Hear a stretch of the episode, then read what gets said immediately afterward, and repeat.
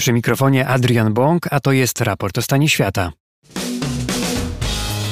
Wciąż rośnie liczba ofiar tragicznych w skutkach trzęsień ziemi w Turcji i w Syrii. Do Syrii wreszcie zaczęła napływać pomoc, a Stany Zjednoczone tymczasowo łagodzą sankcje wobec reżimu Bashara al-Assada.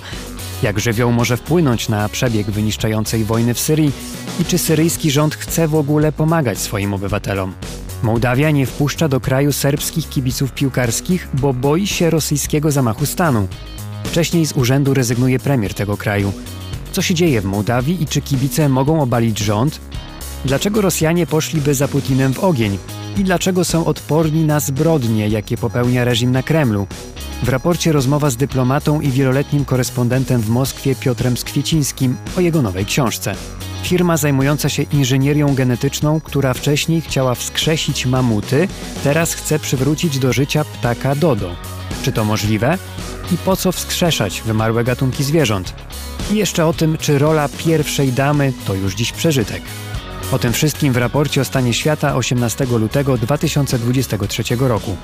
Raport o stanie świata to program, który może istnieć dzięki słuchaczom, za darmo i dla wszystkich. Bardzo dziękujemy za wsparcie. Każde, nawet te najdrobniejsze, motywuje nas do dalszego działania i rozwoju. A jeśli ktoś miałby ochotę dołączyć do grona patronów, zapraszamy na profil raportu w serwisie patronite.pl. W ten sposób najłatwiej nas wesprzeć. Darek Rosiak w podróży reporterskiej na Ukrainę, skąd w przyszłym tygodniu, także w związku z rocznicą wojny, będzie opowiadał nam o sytuacji na miejscu, a w studiu Efektura program realizuje dziś Chris Wawrzak. Zapraszamy.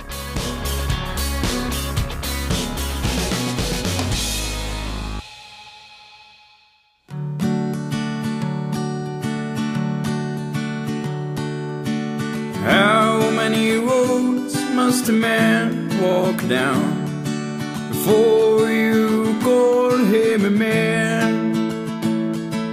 How many seas must the white dove see before she sleeps in the sand? Is it how many times must the cannonballs fly before they're forever banned? The answer, my friend, is blowing in the wind. The answer is blowing in the wind.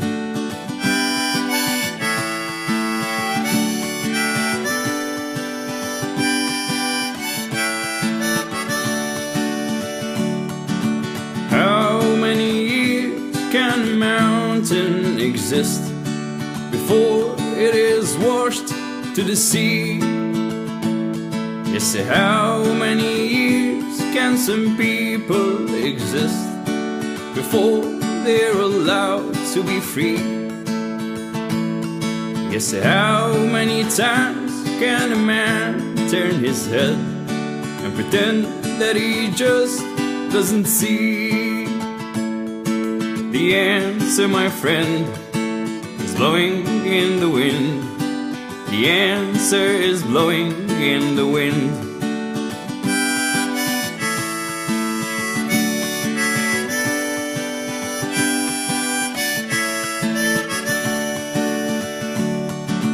How many times must a man look up before he can see the sky? Yes, how many ears must one man have before he can hear people cry. Yes, how many deaths will it take till he knows that too many people have died? The answer, my friend, is blowing in the wind. The answer is blowing in the wind.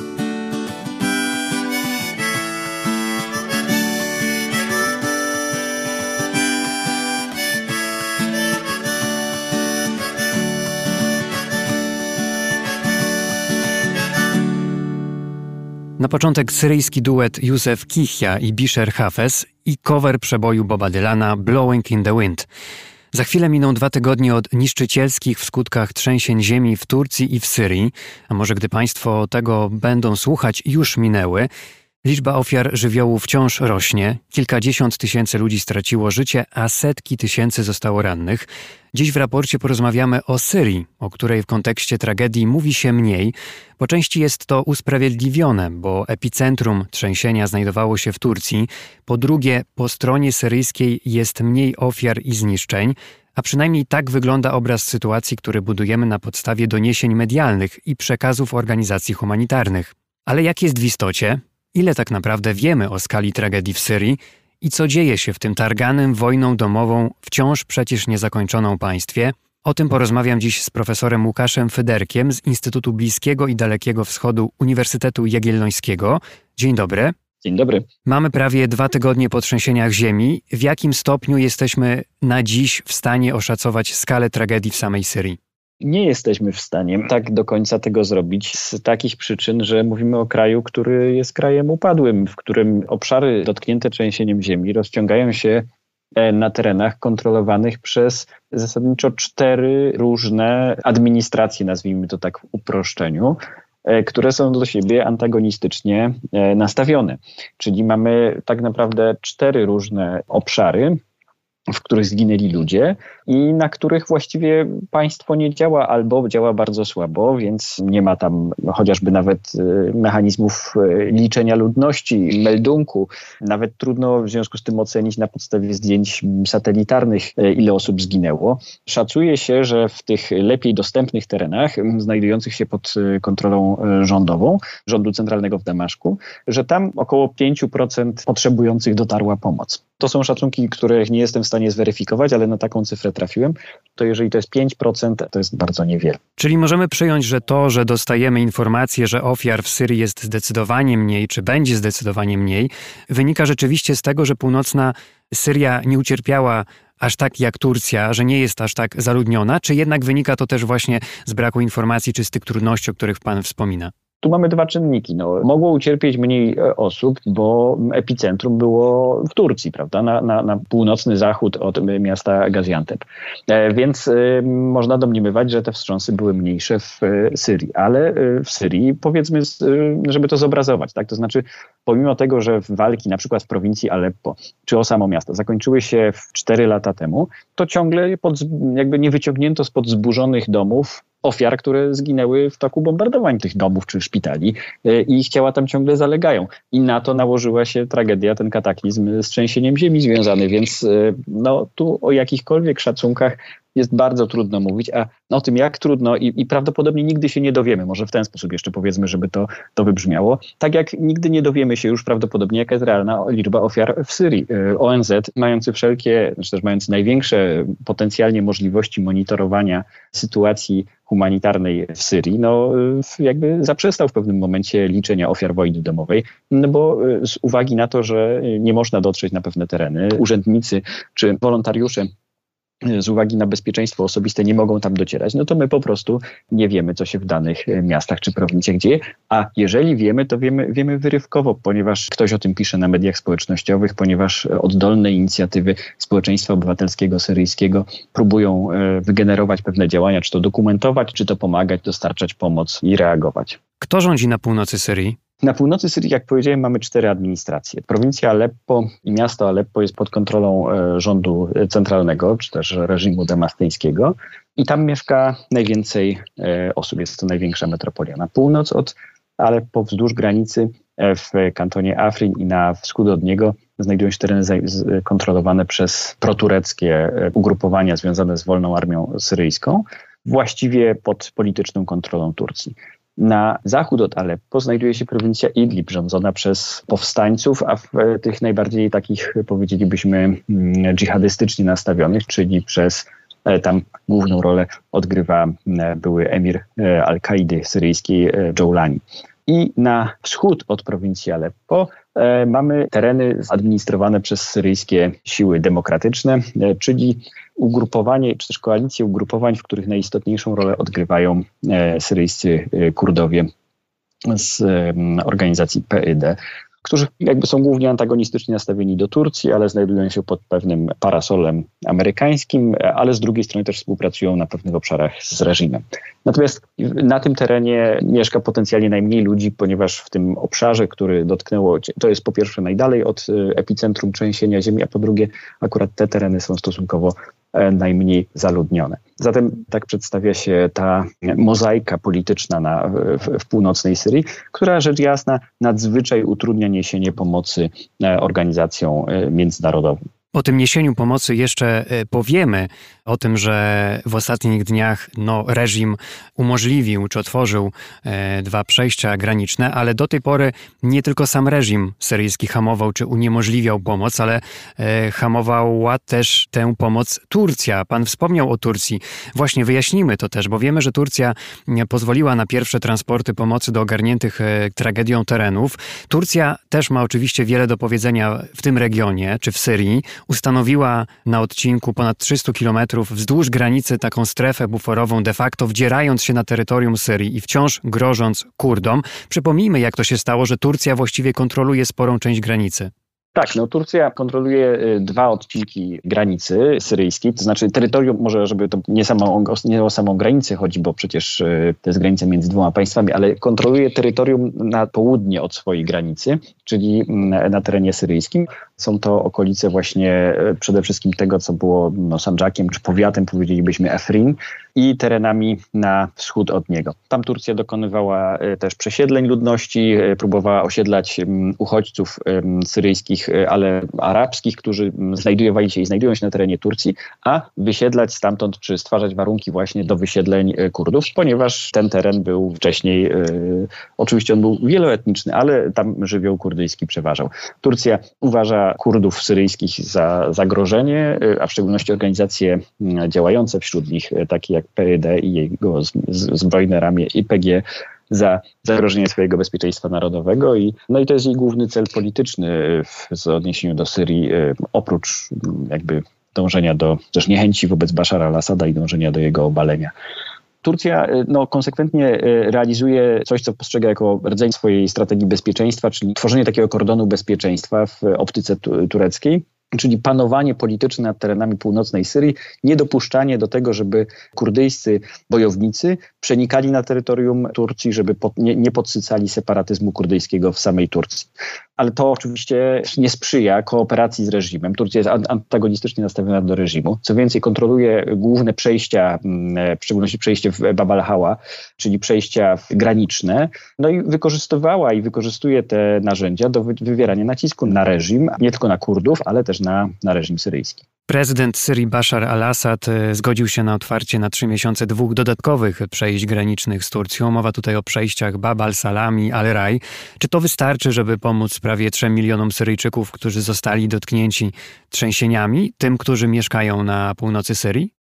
Dobrze, że Pan o tym wspomniał, że tym, którzy mieszkają na północy Syrii, ponieważ e, pamiętajmy, tutaj takie, taka dygresja, ale wydaje mi się to jest istotne, że dalszy milion mieszka na terenach tuż za granicą, znaczy to są uchodźcy, którzy mieszkają w Turcji, e, ale właśnie w prowincji Gaziantep, tuż za granicą i oni zostali za, również dotknięci. Także skala tragedii oczywiście jest bardzo wysoka dla Turcji, ale jest też bardzo wysoka dla Syrii i dotknęła Syryjczyków po dwóch stronach granicy. Tych, którzy zostali w Syrii i mieszkają pod tymi czterema administracjami, ale też także tych, którzy uciekli do Turcji. Zresztą mamy teraz też migrację z Turcji do Syrii. Syryjczycy z Turcji, e, ufając, że warunki w ich zniszczonej wojną ojczyźnie są lepsze niż w dotkniętej trzęsieniem ziemi Turcji, też wracają. E, wracają. Pojawiają się takie informacje, chociaż trudno na razie ocenić, na ile to będzie masowy, masowy ruch, ponieważ no, dotychczasowe próby zachęcenia do, do powrotu nie odnosiły dużego sukcesu. E, no, z uwagi na, na zniszczenia z kolei e, wojenne i na te rywalizujące ze sobą struktury polityczne, z uwagi na to, że w Syrii ciągle mamy to zjawisko warlordyzmu, czyli praktycznie no, bezprawia ale być może rzeczywiście, szczególnie ci Syryjczycy, którzy wywodzą się z terenów środkowej i południowej Syrii, którzy uciekli do Turcji, czyli terenów, które nie zostały dotknięte trzęsieniem ziemi, być może rzeczywiście mają taką motywację teraz, żeby powrócić na tereny e, właśnie swojego kraju rodzinnego. Wracając jeszcze do tego pana pytania, jak, bo, bo, to wydaje mi się, może nie do, nie do końca na to odpowiedziałem, jak e, to otwieranie przejść, jak to wpłynie na los ludzi i jak wpłynie na los polityczny też Syrii. Wydaje mi się, że to trzęsienie ziemi będzie takim momentem, w którym y, politycy będą odsuwać problem wojny domowej na plan drugi i przede wszystkim Bashar al-Assad, ale także wydaje mi się, że strona turecka na pewnym etapie będą wykorzystywać to do obniżenia poziomu sporu i rozpoczęcia mm, współpracy takiej może nie politycznej, ale właśnie takiej humanitarnej, ale potem także i gospodarczej, transgranicznej, odsuwając problemy polityczne na plan dalszy, a posiłkując się tym, że dobro ludzi i dobro właśnie e, tam humanitarne jest tutaj najistotniejsze.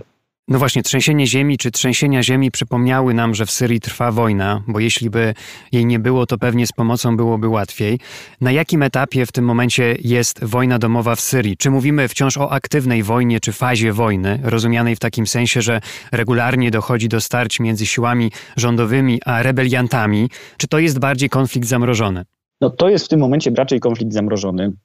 Bezpośrednich starć jest stosunkowo niewiele, czy też może w ten sposób niewiele jest ofiar bezpośrednich starć, to, ale to się oczywiście bardzo różni, bo bezpośrednie starcia najczęściej w ciągu ostatnich właściwie dwóch lat nie oznaczają już walk e, na linii frontu, aktywnej linii frontu właściwie ona zamarła od dwóch, e, właściwie dwóch i pół roku.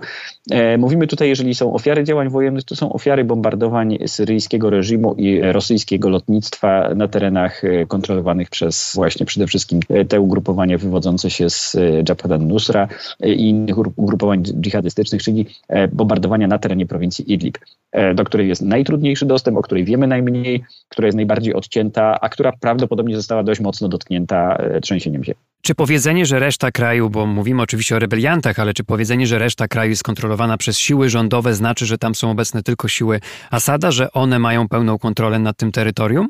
Assad kontroluje około 70% kraju i ma nad tym względnie mocną kontrolę. To znaczy, Mamy to zjawisko warlordyzmu, to znaczy poszczególne administracje lokalne, poszczególni przywódcy milicji są dość niezależni od rządu damastyńskiego. Też poszczególne służby bezpieczeństwa konkurują ze sobą i mm, na przykład mm, no, nie raportują rządowi centralnemu na temat tego, kogo zamykają, czy jakich obywateli przetrzymują w więzieniach, a bardzo często przetrzymują w więzieniach dla okupu, dla otrzymania okupu od rodziny. E, więc no, sytuacja jest daleka od normalności, ale z drugiej strony w samym Damaszku życie toczy się względnie normalnie. Na takich prowincjach właśnie odleglejszych, poszczególnych wioskach czy mniejszych miastach, tam te lokalne układy dochodzą do głosu. E, natomiast e, zasadniczy problem, no to jest problemy są no, gospodarcze przede wszystkim. Syria jest obłożona, e, rząd syryjski, reżim syryjski jest obłożony bardzo poważnymi sankcjami.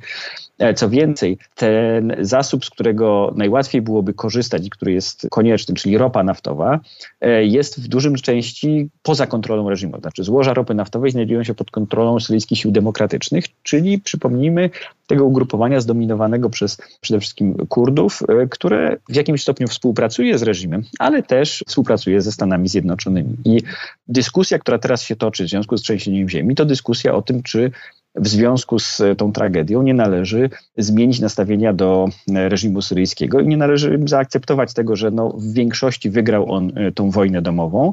Oczywiście czyniąc ogromne, e, czy też popełniając ogromne zbrodnie, w tym, w tym zbrodnie ludobójstwa czystek etnicznych, ale taki jest status quo, i czy nie należy selektywnie się zaangażować w e, rozmowy z reżimem e, po to, żeby poprawić sytuację humanitarną ludności. I te dyskusje toczą się, zaczęły się toczyć równolegle w Europie, jak i w świecie e, arabskim. I w świecie arabskim one są bardziej zaawansowane. One były widoczne już przed trzęsieniem ziemi, a także samo to trzęsienie ziemi i pomoc, która napłynęła z krajów takich jak Egipt, Emiraty Arabskie czy Arabia Saudyjska, no pokazuje, że te kraje, które dotychczas w mniejszym lub większym stopniu bojkotowały Bashar al-Assada, zmieniają nieco swoje nastawienie.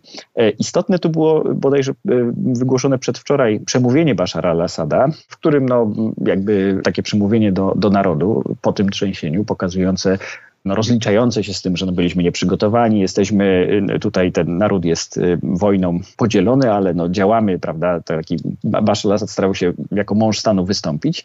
Może nieistotna była zawartość tego przemówienia, ale fakt, że przemówienie to było po raz pierwszy od 12 y, lat, kiedy rozpoczęła się wojna domowa. Było też w całości, bądź jego fragmenty były pokazywane w arabskich telewizjach innych krajów, także w arabskich telewizjach należących właśnie do Emiratczyków czy, e, czy Saudyjczyków. Czyli to jest ważny sygnał pokazujący na to, że trzęsienie ziemi jest, e, przynajmniej w świecie arabskim, pomostem do mm, jakby nawiązania stosunków dyplomatycznych i gospodarczych z Syrią. A no właśnie, bo wywołał Pan moje kolejne pytanie i taki chyba nieoczywisty wniosek można z tego wziąć, że paradoksalnie ta tragedia może pomóc Asadowi. Ten kataklizm paradoksalnie może go wzmocnić. Wspomniał Pan o sąsiadach Syrii, czy w ogóle o sytuacji w regionie. W ostatnich dniach w Syrii wylądował samolot saudyjski z pomocą humanitarną. Po raz pierwszy od 2012 roku tą informację podaje za francuską agencją prasową. Podobnie jak i inne państwa arabskie, Arabia Saudyjska zerwała stosunki z Syrią i wsparła siły rebeliantów we wczesnych latach wojny domowej w Syrii. Chociaż w ostatnich latach widać poprawę tychże stosunków czy zbliżenie z reżimem i do tego chyba nie było potrzebne nawet trzęsienie ziemi. Te procesy były nieco bardziej zaawansowane. Rosjanie e, bardzo mocno działali. Dyplomacja rosyjska działała nad tym zbliżeniem saudyjsko- i emiracko-syryjskim. One wyhamowały po wybuchu wojny na e, Ukrainie, czy też tej nowej fazy po agresji pełnoskalowej Rosji na Ukrainę. Ostatni rok był rokiem zamrożenia tego procesu i trzęsienie ziemi jest katalizatorem do odmrożenia i do przywracania Bashara al-Assada na, na tą e, międzyarabską scenę polityki. Tym byli za, bardzo mocno, jak powiadam, zaangażowa zaangażowani w to Rosjanie, ale trochę też zależało na tym Irańczykom. Dlaczego? Dlatego, że zarówno Rosja, jak i Iran, mając swoje rozliczne wewnętrzne problemy, byli świadomi, że Syria jest e, zbyt dużym ciężarem, żeby byli w stanie go utrzymać samodzielnie i chcieli, żeby inne kraje ruszyły z pomocą. No, Syria jest zrujnowanym krajem, prawda? To miejmy tego świadomość żeby odbudowa gospodarki syryjskiej rozpoczęła się i żeby mm, oczywiście pod kontrolą reżimu i pod kontrolą ludzi kontrolowanych pośrednio przez y, Rosję i przez Iran i na warunkach Rosji i Iranu, ale żeby pieniądze i, i, środki na odbudowę zaczęły spływać z innych kierunków. I to e, było coś, czego bardzo się sprzeciwiają z kolei Amerykanie i czego bardzo nie chce Izrael, ponieważ to, co wyobraża sobie Iran w szczególności, a być może także i Rosja, to jest taki scenariusz libański, czyli w scenariuszu libańskim doszło do odbudowy po wojnie domowej, ale kontrolę nad tym głównym graczem, nie jedynym, ale głównym graczem są, jest pro, proirański Hezbollah. Tak? To są ludzie z bronią, ale pieniądze, odbudowa Libanu nastąpiła za pieniądze w dużym stopniu saudyjskie, emirackie, no, czy też europejskie w jakimś stopniu. I to jest y, taki scenariusz, do którego by nie chciał doprowadzić y, Zachód, a w szczególności nie chciałby widzieć Stany Zjednoczone i Izrael.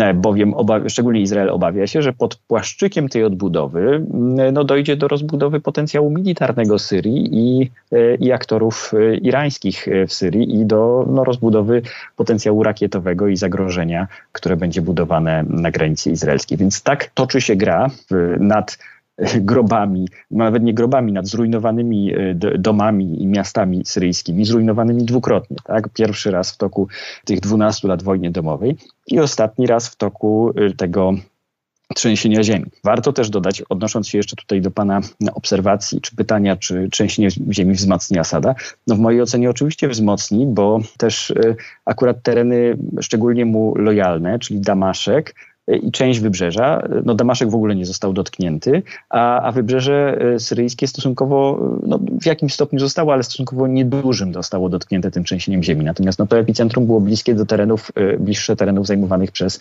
czy to siły protureckie, czy siły właśnie otwarcie islamistycznej opozycji przeciwko niemu, więc to tym bardziej wzmacnia jego pozycję.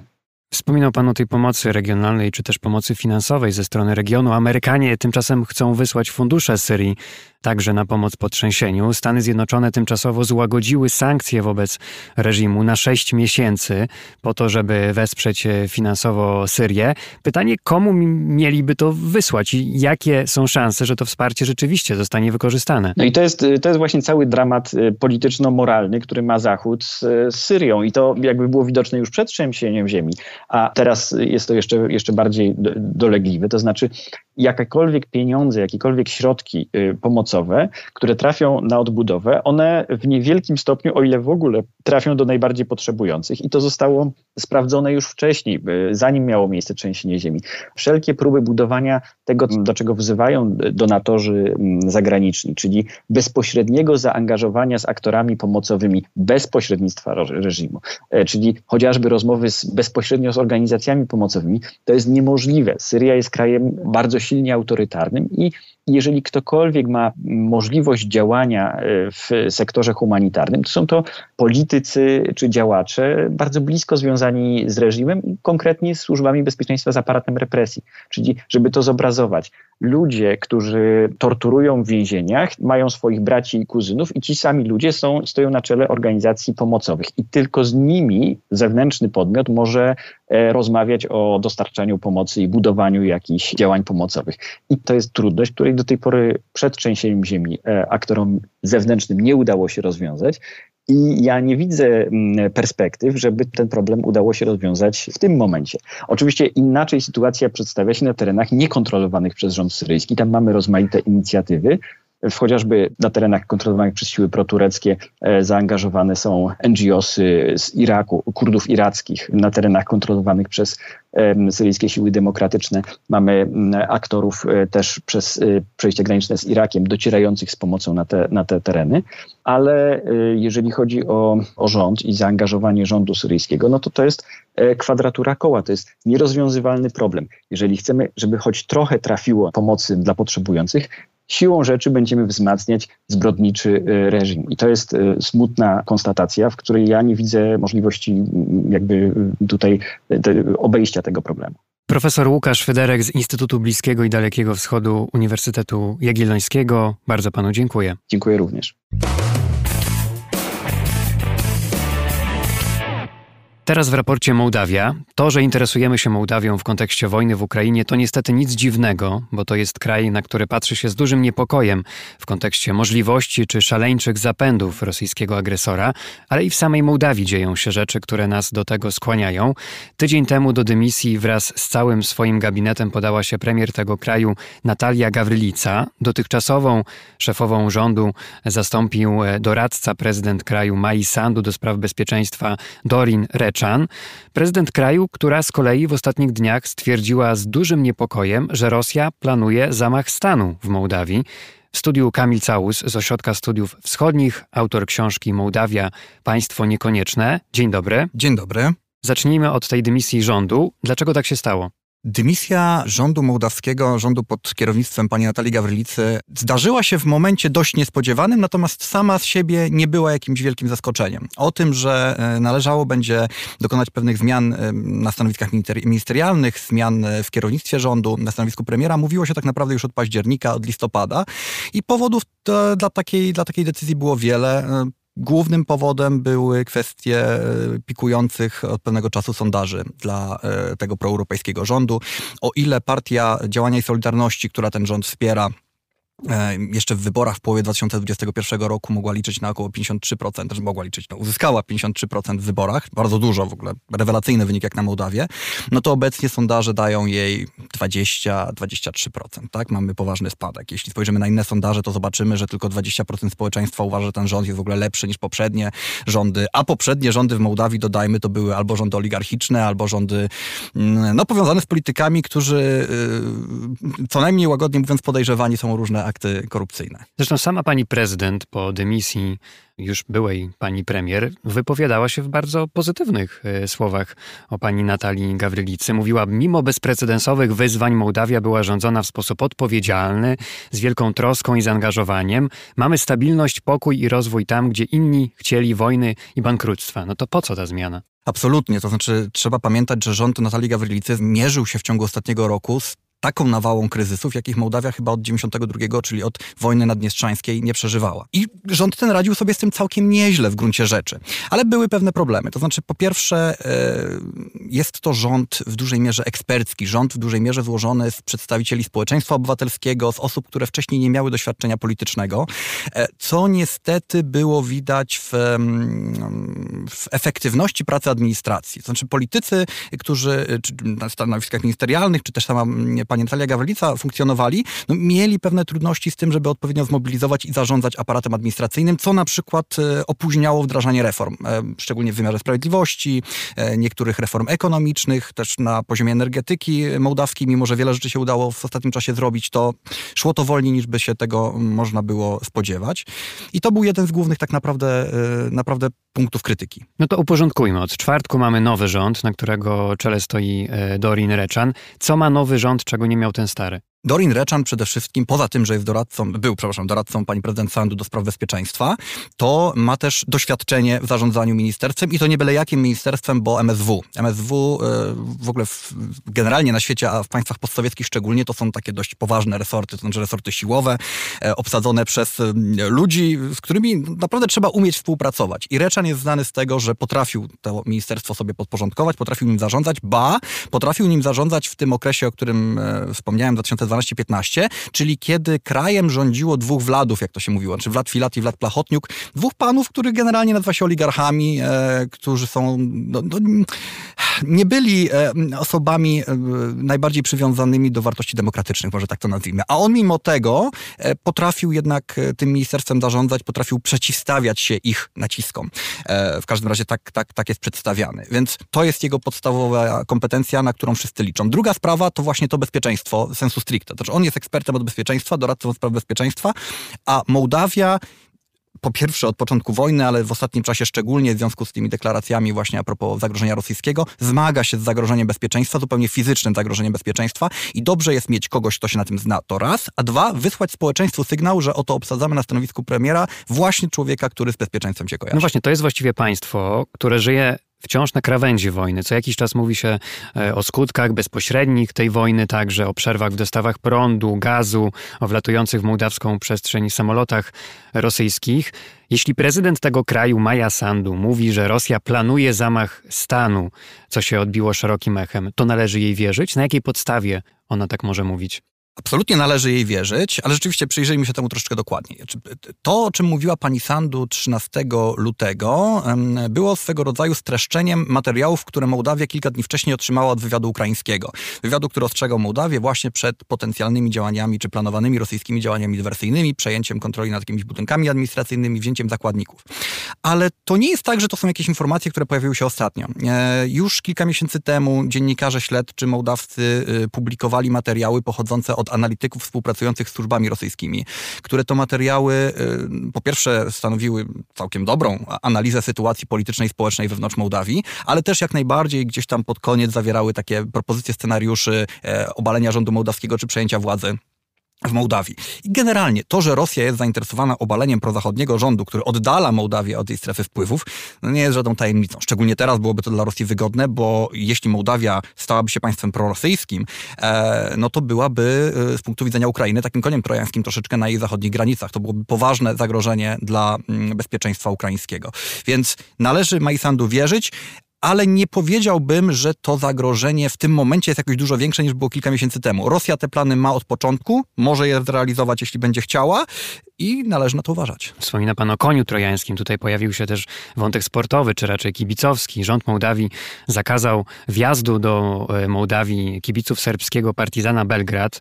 Partizan Belgrad w czwartek rozegrał mecz e, z szeryfem Tyraspol w ramach Ligi Konferencji Europy. Pojawiły się obawy, że wśród fanów znajdują się rosyjscy dywersanci. Mowa o fanach e, Partizana Belgrad. Czy kibice byliby w stanie obalić rząd? Kibice pewnie sami z siebie nie, ale e, Mołdawia teraz po prostu trochę dmucha na zimne. Rzeczywiście w materiałach, które e, za, zaoferowała Mołdawii strona, strona ukraińska, pojawiły się też dokumenty, jak rozumiem, przejęte od strony rosyjskiej, dotyczące reguł wjazdu do Mołdawii właśnie obywateli Serbii, obywateli Czarnogóry, Białorusi, co pozwala sugerować, że być może takie osoby też miałyby brać udział w ewentualnym puczu. Tutaj trzeba też podkreślić, że e, ci kibice, którzy zostali odesłani, no oni, jak, jak twierdzą Mołdawianie, nie byli w stanie uzasadnić powodu swojego przyjazdu. I to rzeczywiście ma sens, bo z jednej strony ten mecz się faktycznie odbywał, ale mecz odbywał się przy pustych trybunach. Więc y, no, nie przyjechali oni na mecz per se, rzeczywiście. Zresztą być może jakieś inne podejrzenia też wobec nich były kierowane. Pamiętajmy, że to nawet nie rząd mołdawski to zablokował, tylko sami pogranicznicy. To zawsze pogranicznicy mają ostatnie słowo w takiej sprawie. To działa tak w Mołdawii, tak to działa w Stanach Zjednoczonych, tak to działa, wydaje mi się, także w Polsce. Więc... Yy dla bezpieczeństwa po prostu stwierdzono, że lepiej w tym momencie się powstrzymać od wpuszczania takich ludzi. Oczywiście w przypadku Mołdawii istnieją realne e, obawy przed e, ingerencją Rosji. Zresztą Rzecznik amerykańskiej Rady Bezpieczeństwa Narodowego John e, Kirby powiedział, że nie, nie, możemy potwierdzić, że Rosja ma plany obalenia władz w Mołdawii, lecz z pewnością nie byłoby to poza zasięgiem i gotowością Władimira Putina. Ale mimo tego uzasadnienia tych obaw, Skąd taka retoryka prezydent kraju? Może ona ma czemuś służyć, może ma zwrócić uwagę? Ona jest wielopoziomowa tak naprawdę. Po pierwsze, ważne, żeby zauważyć pewną zmianę w mołdawskiej polityce czy w mołdawskiej narracji od początku wojny. Na początku wojny, y, która dla Mołdawii była poważnym szokiem, y, mołdawskie władze starały się raczej nie komentować tego typu doniesień. One się pojawiały od początku, że Rosja coś planuje, że Rosja może coś zrobić, że mamy dywersantów. Mołdawianie wychodzili z założenia, że podnoszenie takich tematów antagonizuje Rosję, prowadzi do tego, że ona y, zachowuje się bardziej agresywnie wobec Mołdawii i, i że lepiej nie straszyć też w ten sposób własnego elektoratu, zwłaszcza, że Mołdawia miała też pewną świadomość, że niewiele jest w stanie w razie czego zrobić. Znaczy, przed otwartą agresją rosyjską Mołdawia by się nie obroniła. E, I jednocześnie władze w Kiszyniowie liczyły na to, że pomoże im ta neutralność, która jest zapisana w konstytucji mołdawskiej. Dość szybko okazało się, że to jest niestety nieprawda. Rosja nie potrzebuje żadnych pretekstów, żeby tak naprawdę zachowywać się agresywnie wobec państw, co do których ma pewne określone interesy. E, o czym zresztą świetnie świadczą te rakiety, które przelatują nad Mołdawią w drodze na Ukrainę, mimo że Mołdawia jest państwem neutralnym. I w pewnym momencie, już kilka miesięcy temu, władze obecne prozachodnie stwierdziły, że to nie ma sensu, że należy mówić otwarcie o zagrożeniu rosyjskim, e, kiedy ma się odpowiednie materiały i powody, żeby tak mówić, że dzięki temu, po pierwsze, zwraca się uwagę Zachodu zajętego przede wszystkim sytuacją na Ukrainie, że jest też drugi kraj w kolejce, który może być e, potencjalnym celem Rosji. E, po drugie, zwraca się uwagę Zachodu, że ten kraj potrzebuje wsparcia także sprzętowego. Prezydent Sandu ostatnio w Davos chociażby prosiła o system obrony przeciwlotniczej, czy przeciwpowietrznej właściwie, bo to chodzi o obronę przeciwko rakietom. E, Pojawiło się też wsparcie niemieckie, przyjechały tam do Mołdawii transportery opancerzone Pirania e, w ramach wsparcia też. E, to jest jakby kolejny powód. Także mówienie o zagrożeniu rosyjskim pomaga Mołdawii wzmacniać swój potencjał obronny, pomaga Mołdawii e, w konsolidacji jej, jej partnerów i obrony przed Rosją. Wreszcie trzeci, trzecia sprawa to wymiar wewnątrzpolityczny po prostu. Pani, pani Sandu, mówiąc o zagrożeniu rosyjskim, podkreśliła bardzo mocno, że te działania byłyby możliwe, czy do ich wykonania byłyby prawdopodobnie zupełnie wykorzystane także siły prorosyjskie, które w Mołdawii funkcjonują, w tym opozycja, między innymi partia Ilana Shora, partia Shor, czy też ludzie, którzy e, powiązani są z Władem Plachotniukiem, tym oligarchą, o którym wspominałem wcześniej, a którzy wciąż funkcjonują w ramach e, mołdawskiego, pewnych mołdawskich struktur prawdopodobnie. Ilan Shor, czyli polityk opozycyjny, który sporo namieszał i ciągle chyba miesza w tej polityce mołdawskiej. To jest e, bardzo barwna postać. E, człowiek, który e, jest przede wszystkim bardzo młody, jest młodszy, młodszy ode mnie, co nie jest trudne, ma 30 parę lat, ale dał się poznać przede wszystkim z swoim udziałem prawdopodobnym w aferze wyprowadzania miliarda z mołdawskiego sektora bankowego w 2014 roku. W 2019 roku uciekł z kraju, zresztą wraz z Władem Plachotniukiem, kiedy doszło do zmiany rządu, kiedy, kiedy władzę przejął rząd pani pre, premier, znaczy było chwilę przed tym, ale pani premier Sandu wtedy a obecnie e, znajduje się w Izraelu, ma obywatelstwo tego kraju, urodził się zresztą w Izraelu i stamtąd zarządza swoją partią, która to partia, mm, szczególnie w październiku, od października do grudnia prowadziła regularnie co tydzień wielotysięczne manifestacje przeciwko rządowi e, prozachodniemu w Kiszyniowie.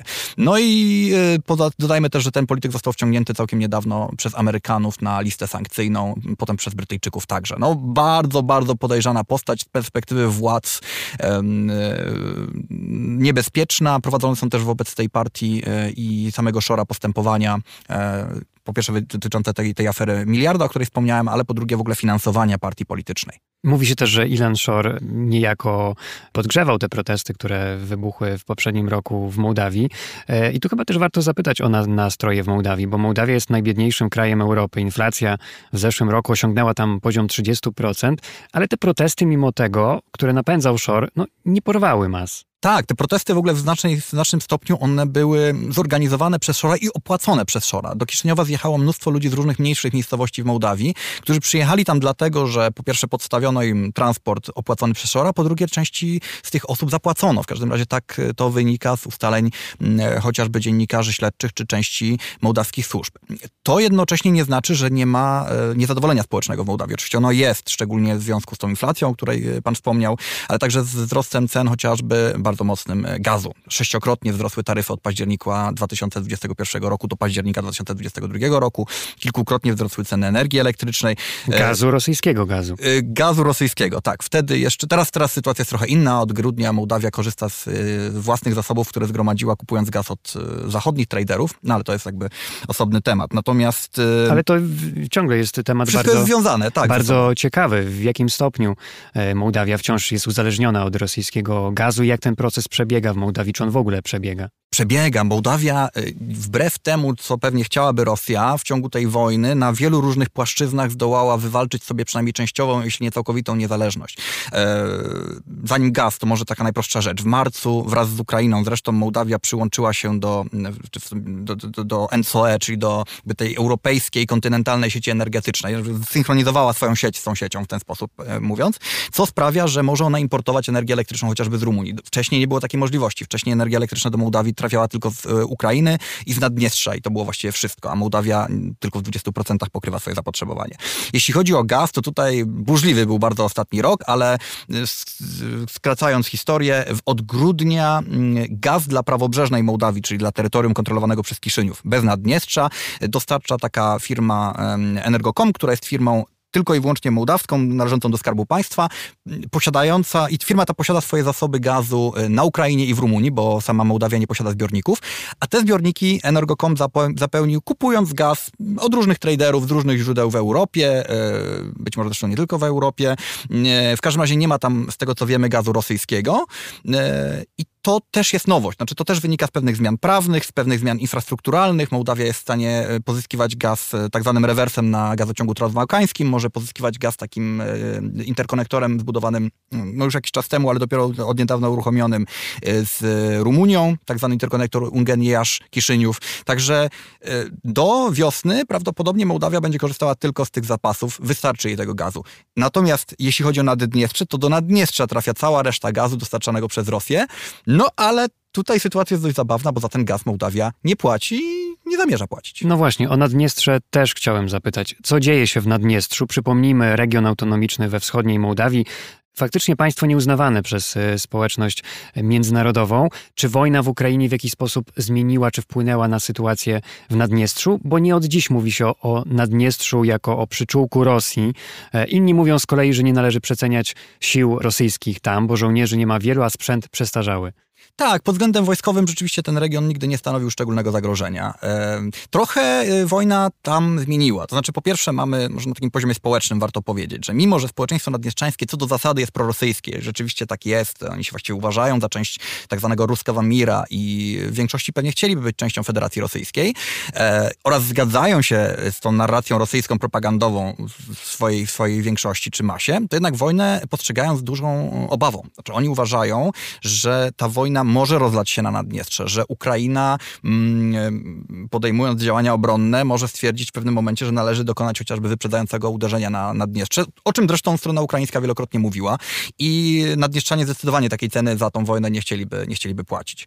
E, jeśli zaś chodzi o kwestię władz naddniestrzańskich, to tu rzeczywiście sytuację mamy dość interesującą, bo e, musimy pamiętać, że jakby władza naddniestrzańska jest dwoista. Z jednej strony mamy tam polityków, polityków, którzy są powiązani z Rosją, oni właśnie te wszystkie prorosyjskie bardzo deklaracje wygłaszają, to jest szczególnie tak zwany MZ naddniestrzański, ale nad tym wszystkim jest realnie sprawująca władzę w regionie e, korporacja Szeryf, e, czy holding Szeryf, e, będący właścicielem klubu sportowego Szeryf, od razu też dodajmy który tak naprawdę on nie jest ani prorosyjski, ani prozachodni, on jest zorientowany na własne interesy i własne dochody. I z punktu widzenia tego e, koncernu, to co teraz się dzieje jest, jest kompletną tragedią.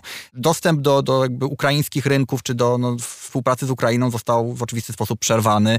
E, współpraca z Zachodem jest, no istnieje, ale jest trudniejsza. W pewnym momencie Rosja też ograniczyła dostawy gazu dla Mołdawii, to właśnie to miałem na myśli mówiąc, że ten okres był burzliwy, co odbiło się także bardzo mocno na Naddniestrzu, no bo te dostawy gazu idą jakby całe dla całej Mołdawii i są rozdzielane potem dla Naddniestrza i dla prawobrzeżnej Mołdawii. Do tego stopnia, że w pewnym momencie przemysł, cały ciężki przemysł naddniestrzański, tam huta, wytwórnia cementu, elektrownia w, w Dniestrowsku, wszystko to albo stanęło, albo musiało poważnie ograniczyć pra, pracę i, i produkcję, co odbiło się na dochodach tej, tej elity biznesowo-politycznej. I mam wrażenie, i takie sygnały docierają do nas z różnych stron, że no oni nigdy nie byli, znaczy mam na myśli te elity rządzące e, czy biznesowe, one nigdy nie były naiwne, one zawsze wiedziały, że Rosja nie, nie patrzy na Naddniestrze ideologicznie, tylko traktuje to jako taki poligon i jest w stanie Naddniestrze mm, rzucić, kiedy będzie to na pożarcie e, swoich interesów, jeśli byłoby to potrzebne, no ale teraz widzi to bardzo wyraźnie. Widzi, że e, Rosja nie dba o interesy interesy naddniestrzańskie i jest ta elita w związku z tym bardziej otwarta niż kiedykolwiek na to, żeby się z Kiszyniowem dogadywać i porozumiewać. I takie coś też widzimy. To jest pewne okno możliwości tak naprawdę w dłuższej perspektywie dla Kiszyniowa. Powiedział pan Naddniestrzanie, a Mołdawianie, bo mówi się oczywiście, że Mołdawia to jest dla Rosji część tego ruskiego świata, ruskiego miru. A jak sami Mołdawianie dziś postrzegają Rosję, albo czy to postrzeganie zmieniło się po 24 lutego, jeśli w ogóle możemy w ten sposób generalizować? Trochę się zmieniło. Jeśli takim, takim najbardziej chyba rzucającym się w oczy wskaźnikiem, który też mnie uderzył, e, jest chociażby popularność Władimira Putina. Władimira Putina, który w Mołdawii, bez względu na to, czy kraj yy, akurat w tym momencie jest prozachodni, jeśli chodzi o rządy, czy nie, zawsze była bardzo wysoka. Putin był po prostu uważany za takiego zręcznego polityka, za prawdziwego męża stanu, którego generalnie lubiano. Miał naprawdę bardzo wysokie ratingi, zawsze właściwie wyższe niż jakikolwiek polityk mołdawski i wyższe niż jakikolwiek inny polityk europejski. W tym momencie już tak nie jest. Popularność Putina spadła do jakichś 30, powiedzmy 5%. To jest mniej więcej tyle, no trochę więcej, ale mniej więcej tyle, ile ma Wołodymyr Załęski. A tutaj dodajmy, że akurat ukraińscy y, prezydenci nigdy jakoś szczególnie popularni na, w Mołdawii nie byli. Więc to jest pierwsza rzecz. Rosja na pewno też przestała być postrzegana przez Mołdawian jako tak wielkie zagrożenie jak wcześniej. Wcześniej po prostu uważano, że jeśli Rosja będzie chciała, nie wiem, zająć Mołdawię, to ją po prostu zajmie. Nawet nie będzie sensu się bronić, ani sensu w ogóle cokolwiek robić. Teraz już podejście to jest inne. Mm, zaczęły się realne dyskusje w Mołdawii na temat sensowności utrzymania neutralności, na temat wzmocnienia armii. Znaczy zaczęto myśleć jednak tym przykładem ukraińskim, że posiadanie armii, nawet małej, i stawianie oporu wrogowi ma sens. Nawet jeżeli jesteśmy słabsi, ma sens, bo otrzymamy jakieś wsparcie, bo jesteśmy wtedy w stanie mm, pokazać przynajmniej, że, że no, nie można tak po prostu do nas przyjść i zająć. Ale czy to myślenie elit też wpływa, czy jest związane z myśleniem społeczeństwa, czy ze zmianą pewnej tożsamości? Bo pisał pan w swojej książce Mołdawia, państwo niekonieczne, że to jest taki kraj, który cierpi na brak tożsamości, kraj rozerwany, żyjący w takim tożsamościowym chaosie, rozedrganiu właśnie. Najpierw mit zjednoczenia z Rumunią, później zawód, później emigracja, trochę tęsknota za Europą, trochę do Rosji. Wojna w Ukrainie, a przynajmniej ta najnowsza odsłona tej wojny, najbardziej dramatyczna, zmieniła wiele w wielu państwach. Zmienia Niemcy chociażby, zmienia Zachód, ale też i zmienia Wschód. Czy ta wojna sprzyja jedności i takiej zmianie paradygmatu e, właśnie z państwa niekoniecznego na państwo konieczne dla wielu jego obywateli? Chyba nie. To znaczy, nie widzę tutaj żadnych poważnych przemian mentalnych. One się gdzieś tam powolutku być może dokonują, mm, ale nie zauważyłem, żeby wojna miała tutaj przyspieszyć. Społeczeństwo mołdawskie jest podzielone, jeśli chodzi o tą wojnę i o jej takie mm, aksjologiczne podstawy chociażby. E, mimo, że większość, ponad 60% uważa, że oczywiście Ukraina się broni, słusznie się broni, to jednak pewna część e, wierzy rosyjskiej propagandzie, e, twierdząc, że no, Rosja walczy z faszyzmem czy z nazizmem na Ukrainie wielu Mołdawian wyznaje takie bardzo mołdawskie podejście, e, po prostu krytykując obydwie strony. To znaczy uważając, że mm, ta wojna jest bez sensu, niepotrzebnie jedna i druga strona się na nią ostatecznie zdecydowała. E, pewnie słabszy powinien ustąpić, no bo łatwiej, wiadomo, wyobrazić sobie, żeby to Ukraina się poddała, niż żeby Rosja miała zrezygnować. I w ogóle ta wojna szkodzi wszystkim, może sprowadzić niebezpieczeństwo na Mołdawię. Przyjechało do nas 100 tysięcy Ukraińców, co z perspektywy Mołdawii jest bardzo dużą liczbą, bo to jest 3,5-4% populacji kraju. I to wszystko nas obciąża. Niech to się wreszcie skończy. E, I to wszystko tak naprawdę raczej powoduje jeszcze większe napięcia. Znaczy, nie jest to jakiś bardzo poważny problem, ale w społeczeństwie się o tym dyskutuje. Część zajmuje stronę ukra- proukraińską, część prorosyjską, część jest gdzieś tak pomiędzy. E, no to raczej nie sprzyja e, spoistości może troszeczkę wzmacnia to częściowo tą narrację prorumuńską, taką opowiadającą się za zjednoczeniem z Rumunią, ale z drugiej strony, jak spojrzymy na sondaże, to ciągle jest około 35% tych, którzy chcą przyłączenia do Rumunii. A jak ważna Mołdawia jest dla Europy? Bo przywódcy europejscy zaakceptowali Mołdawię jako kandydata do członkowstwa w poprzednim roku. Nowy rząd także ma być prounijny i pracować na rzecz zbliżenia czy wręcz wstąpienia do wspólnoty, ma być nawet jeszcze bardziej prounijny niż był ten wcześniejszy. Co to tak naprawdę oznacza? Co należy przez to rozumieć? Jakie są te priorytety rządowe w tej chwili? Rząd y, mołdawski ma dość jasną listę zadań do wykonania w związku z tym statusem kandydackim, które, który, który Mołdawia otrzymała. To jest szereg pewnych reform, które, których należy się, które należy przeprowadzić, szczególnie właśnie w wymiarze sprawiedliwości. To jest ten kluczowy y, obszar, tam chodzi też o praworządność, to, to też on trwa, bo tam mamy do czynienia chociażby z takim procesem prześwietlania e, właściwie całego, całej kadry sędziowskiej, tej najwyższej, sprawdzania na ile te osoby są właśnie powiązane z poprzednimi reżimami, czy mają mają do sobą jakieś korupcyjne czy niekorupcyjne, e, no ale w każdym razie przestępcze tło. Więc to jest tak naprawdę ta kluczowa rzecz. Jest kwestia pewnych reform gospodarczych tak naprawdę, czyli to, to, to, wyrażenie, że rząd ma być jeszcze bardziej proeuropejski, znaczy dosłownie tyle, że ma jeszcze bardziej przykładać się do reform, które, od których od Mołdawii oczekuje Unia Europejska, zarówno w związku z tym statusem kandydackim, jak i z umową stowarzyszeniową, którą Mołdawia podpisała w 2014 roku, a która jest ogromnym dokumentem z wyszczególnieniem wszystkich tych rzeczy, które Mołdawia tam powinna ostatecznie zrealizować i osiągnąć. I wola, żeby to wszystko zrobić jest. Pytanie tylko, na ile administracja mołdawska, która jest niewielka, to jest w ogóle poważny problem Mołdawii, że tam po prostu jest niewielu urzędników, będzie w stanie zrealizować w no, jakiejś takiej dającej się przewidzieć przyszłości. Bardzo dziękuję. Kamil Całus z Ośrodka Studiów Wschodnich i autor książki Mołdawia Państwo Niekonieczne był kolejnym gościem raportu o stanie świata. Dziękuję serdecznie.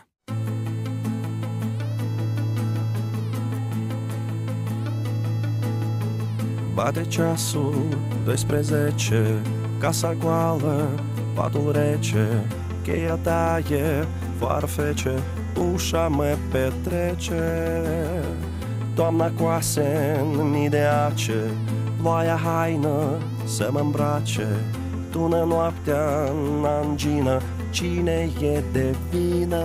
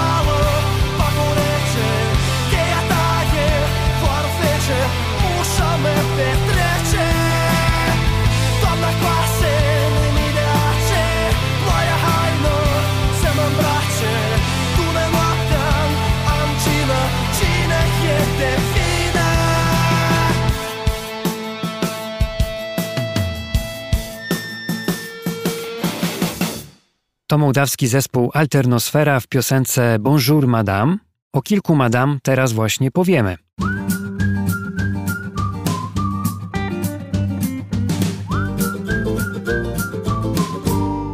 Świat z boku podgląda Grzegorz Dobiecki, na co dzień gospodarz programu Dzień na świecie w telewizji Polsat News.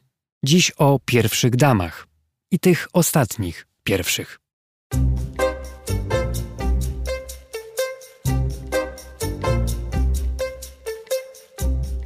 Trzy tysiące par butów? Nieprawda. Imelda Marcos miała ich tylko 1060. Lud mógł dokładniej policzyć, kiedy wdarł się do pałacu. Byłej Miss Filipin nikt nie śmiał zabronić zbytku, skoro nawet krwawego dyktatora owinęła sobie wokół palca. Rządzę bogactwa i władzy zaspokajała kompulsywnie, a jako żona Cezara była poza wszelkimi podejrzeniami. Uciekła ze starym prezydentem, ale wróciła i dała ludowi nowego Ferdynanda Marcosa juniora.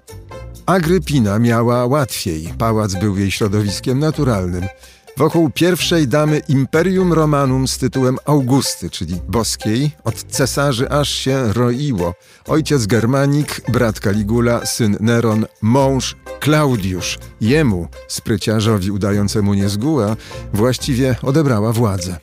Odtąd, pisał Tacyt, państwo przybrało inną postać. Wszystko słuchało kobiety. Później rodzinnym zwyczajem Agrypina odebrała cesarzowi również życie. Klaudiusza zgubiła, jak to w wierszu ujął Herbert, niepohamowana namiętność do borowików. Namiętnością do władzy pała Macbeth, boi się jednak iść do niej po trupach. Dla jego żony korona Szkocji warta jest zbrodni. Już w pierwszym akcie Lady Macbeth mówi mnie zostaw wielkie zadania nadchodzącej nocy, które dniom przyszłym i nocą wykradną dla nas majestat i moc samowładną. Przekład Piotra Kamińskiego. Które jeszcze z pierwszych dam dopisać do galerii Potworzyc? Ze współczesnych może Elenę Czałsesku. Jej zbrodniczemu dyktatowi ulegał nawet dyktator Nicolae i pewnie heterę z tropików Rosario Murillo, trzymającą w garści Nicaraguę i zramolałego Daniela Ortega. Dlaczego o nich mowa w pierwszej kolejności? Bo to złe kobiety są. A wcielone zło, w dodatku wsparte często przez wielką urodę, intryguje bardziej niż najpiękniejsza dobroć. Straszne pierwsze damy tym się jeszcze różnią od swych niestrasznych koleżanek, że charakter i wola służą im do osiągania własnych celów, a nie tylko do bycia przy mężu. Taką zaś rolę w istocie wyznacza kobiecie pozycja małżonki czy partnerki przywódcy państwa. Niektóre potrafią się świetnie maskować. Dla Hillary Clinton władza znaczyła znacznie więcej niż dla Billa, który rządzeniem zainteresowany był jakby nieprzesadnie, wolał inne zajęcia w gabinecie owalnym. Wytrwała przy nim żona niezłomna, prezydentura męża była dla niej bowiem trampoliną do kariery własnej. Zdarzają się przecież i takie pierwsze damy, dla których magnetyzm serc jest ważniejszy niż prezydenckie splendory. Cecilia Sarkozy odeszła do innego, zamknęła za sobą drzwi Pałacu Elizejskiego i sądząc jej późniejszych losów, nigdy tego wyboru nie żałowała. A Sarko, potrzebujący kobiety luksusowej, tak jak najdroższych zegarków, wybrał sobie Karlę Bruni. Blondynkę, na której widok, by zacytować niepoprawnego Chandlera, biskup wybiłby dziurę w witrażu. Chociaż jest nie mniej prawdopodobne, że to Karla dorzuciła Sarkoziego do swojej kolekcji trofeów, wcale za to nie płacąc utratą własnej niezależności. Z kolei za pomocą Melanii, kobiety ozdobnej, również Trump dowartościowywał się samczo, podobnie zresztą jak Xi Jinping za pomocą śpiewaczki Peng Li Yuan. Melania swój stosunek do męża i własnej przy nim roli, a być może i do wszystkich zmartwień świata, zawarła w pamiętnym napisie na kurtce Mam to wszystko gdzieś. Oczywiście nie brak przykładów pozytywnych, wręcz modelowych. Barbara Bush, babcia wszystkich Amerykanów. Małżonka generała de Gaulle'a, dla Francuzów ciotka Yvonne. Miłość Argentyny, potem jej świętość, Ewa Peron. Grasa Machel, czcigodna żona prezydenta Mozambiku, Samory, a po jego śmierci prezydenta RPA Nelsona Mandeli. Rzeczywiście piękny związek państwa Macron. Piękna para, państwo Obamostwo. Wszędzie tu jednak czuć perfumy political glamour. Dałoby się też wskazać skropione nimi pierwsze damy, o których mistrz Nechleba z opowieści Oty Pawla powiedziałby pewnie o nie, Tej paniusi ja portretować nie będę. Ale nieważne, złe czy dobre, uczciwe czy wyrachowane, wszystkie pierwsze damy są wbijane w gorset określonej roli publicznej, w USA nawet ustawowo. Oto jednak pojawił się prezydent Chile, zdeklarowany feminista, który postanowił z tym skończyć. Ściślej to Irina Karamanos, partnerka Gabriela Boricia, przekonała go, że funkcja pierwszej damy jest przeżytkiem epoki patriarchalnej. Pani Karamanos, ostatnia pierwsza dama Chile, wyprowadziła się z pałacu La Moneda, ale nie do innego mężczyzny, do innych zajęć własnych.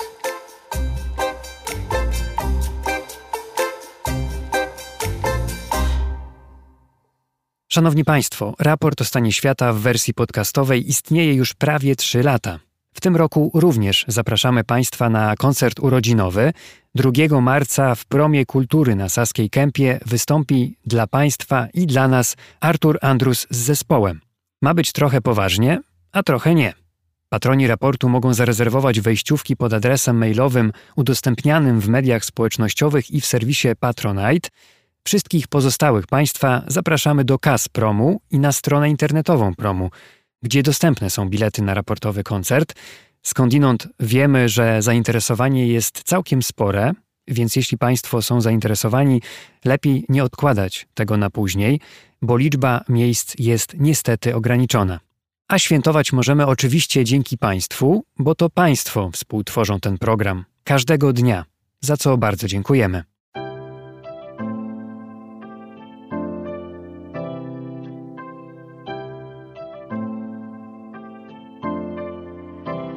Raport o stanie świata od marca 2020 roku rozwija się dzięki Państwa zaangażowaniu i szczodrości. To dzięki Wam możemy opowiadać o świecie przy pomocy dźwięków. Dzięki Wam ten program może być przygotowywany w profesjonalny sposób z zachowaniem najwyższej jakości, bo na nią zasługują słuchacze raportu o stanie świata. Z serca dziękujemy wszystkim Państwu za wpłaty. Wasza hojność jest dla nas ogromnym zobowiązaniem – Zbiórka na patronite.pl ciągle trwa. Zachęcam do udziału w niej. Najhojniejsi patroni raportu o stanie świata to Budujemy halę Six Construction Firma Ampio Smart Home Aureus Leasing, kredyt, ubezpieczenia, księgowość. Sprawdź nas na www.aureus.pl Hotel Bania Termal i Ski w Białce Tatrzańskiej, oferujący pakiety pobytowe z termami w cenie. Firma doradcza Crido. Galmet. Polskie pompy ciepła. Gdziepolek.pl. Wyszukiwarka leków w aptekach stacjonarnych i internetowych. KR Group. Firma outsourcingowa www.krgroup.pl Razem w przyszłość. Polsko-Japońska Akademia Technik Komputerowych. Warszawa, Gdańsk, Bytom. Michał Małkiewicz. Firma Software Mill. Od zawsze zdalni. Programują dla całego świata. Dom wydawniczy Muza. Bo świat nie jest nam obojętny.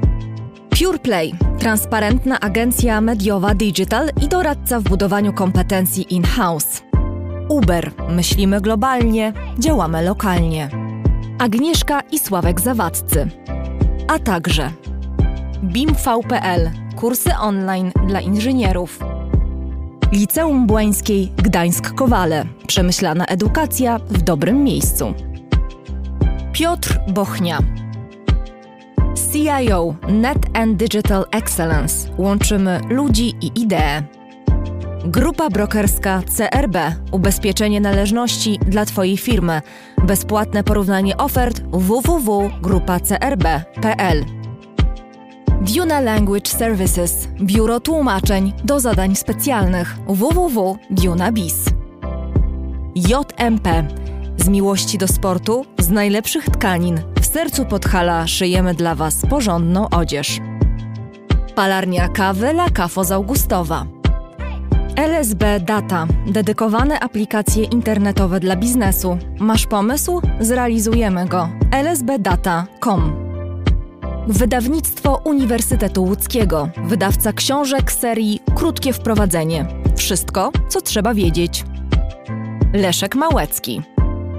Aplikacja Moja Gazetka. Polska proekologiczna aplikacja zakupowa z gazetkami promocyjnymi i nie tylko. Moja Gazetka. Kupuj mądrze. Firma Prosper z Sosnowca. Hurtownia elektroenergetyczna i właściciel marki Czystuś. Drukarnia cyfrowa totem.com.pl. Dla nas książka zasługuje na najwyższą jakość. Fundacja Wasowskich, opiekująca się spuścizną Jerzego Wasowskiego i wydawca książek Grzegorza Wasowskiego. Szczegóły na wasowscy.com. Wayman oprogramowanie wspomagające firmy inżynieryjne w zarządzaniu projektami, stworzone przez polskich inżynierów dla sektora projektowego www.wayman Software. Dziękujemy bardzo. To dzięki Państwu mamy raport o stanie świata.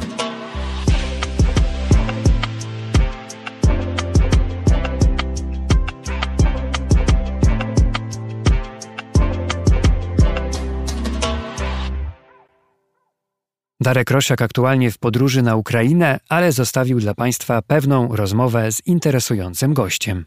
Teraz o pewnej książce porozmawiamy i może od razu cytat. Pisząc książkę, którą trzymają Państwo w ręku, chciałem zwrócić uwagę na to, na co rzadko ostatnio zwraca się uwagę, na głębsze podstawy, na źródła zachowania rosyjskiego teraz, na intelektualne źródła buczy.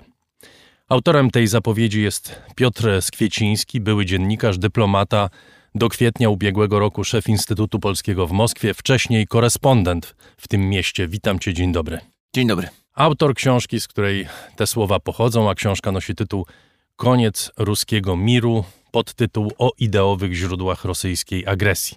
Mamy czasem tendencję do skracania dystansu w rosyjskich e, sprawach i załatwiania Rosji krótko. To znaczy, jakie intelektualne źródła buczy. Banda zwyrodnialców weszła do miasta, gwałcąc, plądrując, mordując, niszcząc wszystko, co da się zniszczyć. Dlaczego tobie to nie wystarcza? No, nie wystarcza mi dlatego, że w ten sposób to można się z wszystkim załatwić i to jest y, z wszystkimi rozmaitymi rzeczami na świecie, których się nie akceptuje. Nawet nie akceptuje bardzo, y, ale to nie zwalnia nas z obowiązku podjęcia przynajmniej próby zrozumienia y, jakichś tam przyczyn, bo to nie jest tak, że zrozumieć to oznacza wybaczyć. Absolutnie nie ale działania, których my nie akceptujemy, w tym zbrodnicze, mogą być podejmowane z przyczyn różnych. Przez różnych bardzo ludzi. W ostatnim, oczywiście ofiar, dla ofiar to niekoniecznie jest jakakolwiek różnica, ale dla obserwatora i owszem, no więc stąd, stąd, moja, y, stąd, stąd ta moja deklaracja i ta próba. I jeszcze chciałem dodać jedną rzecz, którą ty y, pominąłeś, a o którą często jestem pytany, więc dodam i tak. To jest koniec ruskiego miru tam jest znak zapytania na końcu. Mhm. Więc ja często jestem pytany o to, dlaczego ten znak zapytania i odpowiadam na to tak. Ja jestem his wykształcenia historykiem i ja wiem, jak często historia płatała straszne figle ludziom, którzy byli czegoś za bardzo pewni. A bardzo często byli to ludzie inteligentni, nawet bardzo inteligentni, którzy mieli prawo do jakiegoś stanowczego zdania i byli absolutnie przekonani, że pójdzie jakoś, a poszło jakoś inaczej. Jeszcze, znaczy niekoniecznie tak, jak chcieli ich przeciwnicy, ale jak, jeszcze trzecim, jakimś yy, czwartym torem. I stąd ten znak zapytania. I bardzo dobrze, że na to zwracasz uwagę, bo w ogóle ta książka jest, powiedziałbym, formą dialogu. To znaczy formą dialogu z kulturą rosyjską, formą dialogu ciebie z samym sobą. Sam czasem zadajesz sobie pytania, nie jesteś pewny odpowiedzi i być może bardzo ważny jest ten znak zapytania, ten brak pewności, ale Powiedzmy, co to jest ruski mir, bo co najmniej od roku to określenie się pojawia w polskiej debacie czy w polskim języku. Zwraca się uwagę na różne, przynajmniej dwa znaczenia słowa mir, ale o co chodzi? Co to jest ruski mir?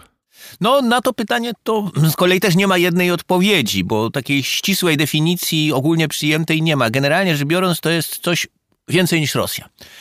To jest y, coś więcej niż Rosja, to jest y, Rosja, y, Rosjanie plus całe znacząca jakaś część, jakieś, jakieś etnosy, narody, obszary poza Rosją, które czują się częścią tego czegoś skupionego wokół Rosji, ale to jest również specyficzna cywilizacja która z tym pojęciem jest związana. No i ta cywilizacja, ja tam też cytuję takiego bardzo ciekawego izraelsko-rosyjskiego publicystę, Wiktora Eskina, który parę miesięcy temu lapidarnie to skwitował rosyjska cywilizacja umiera.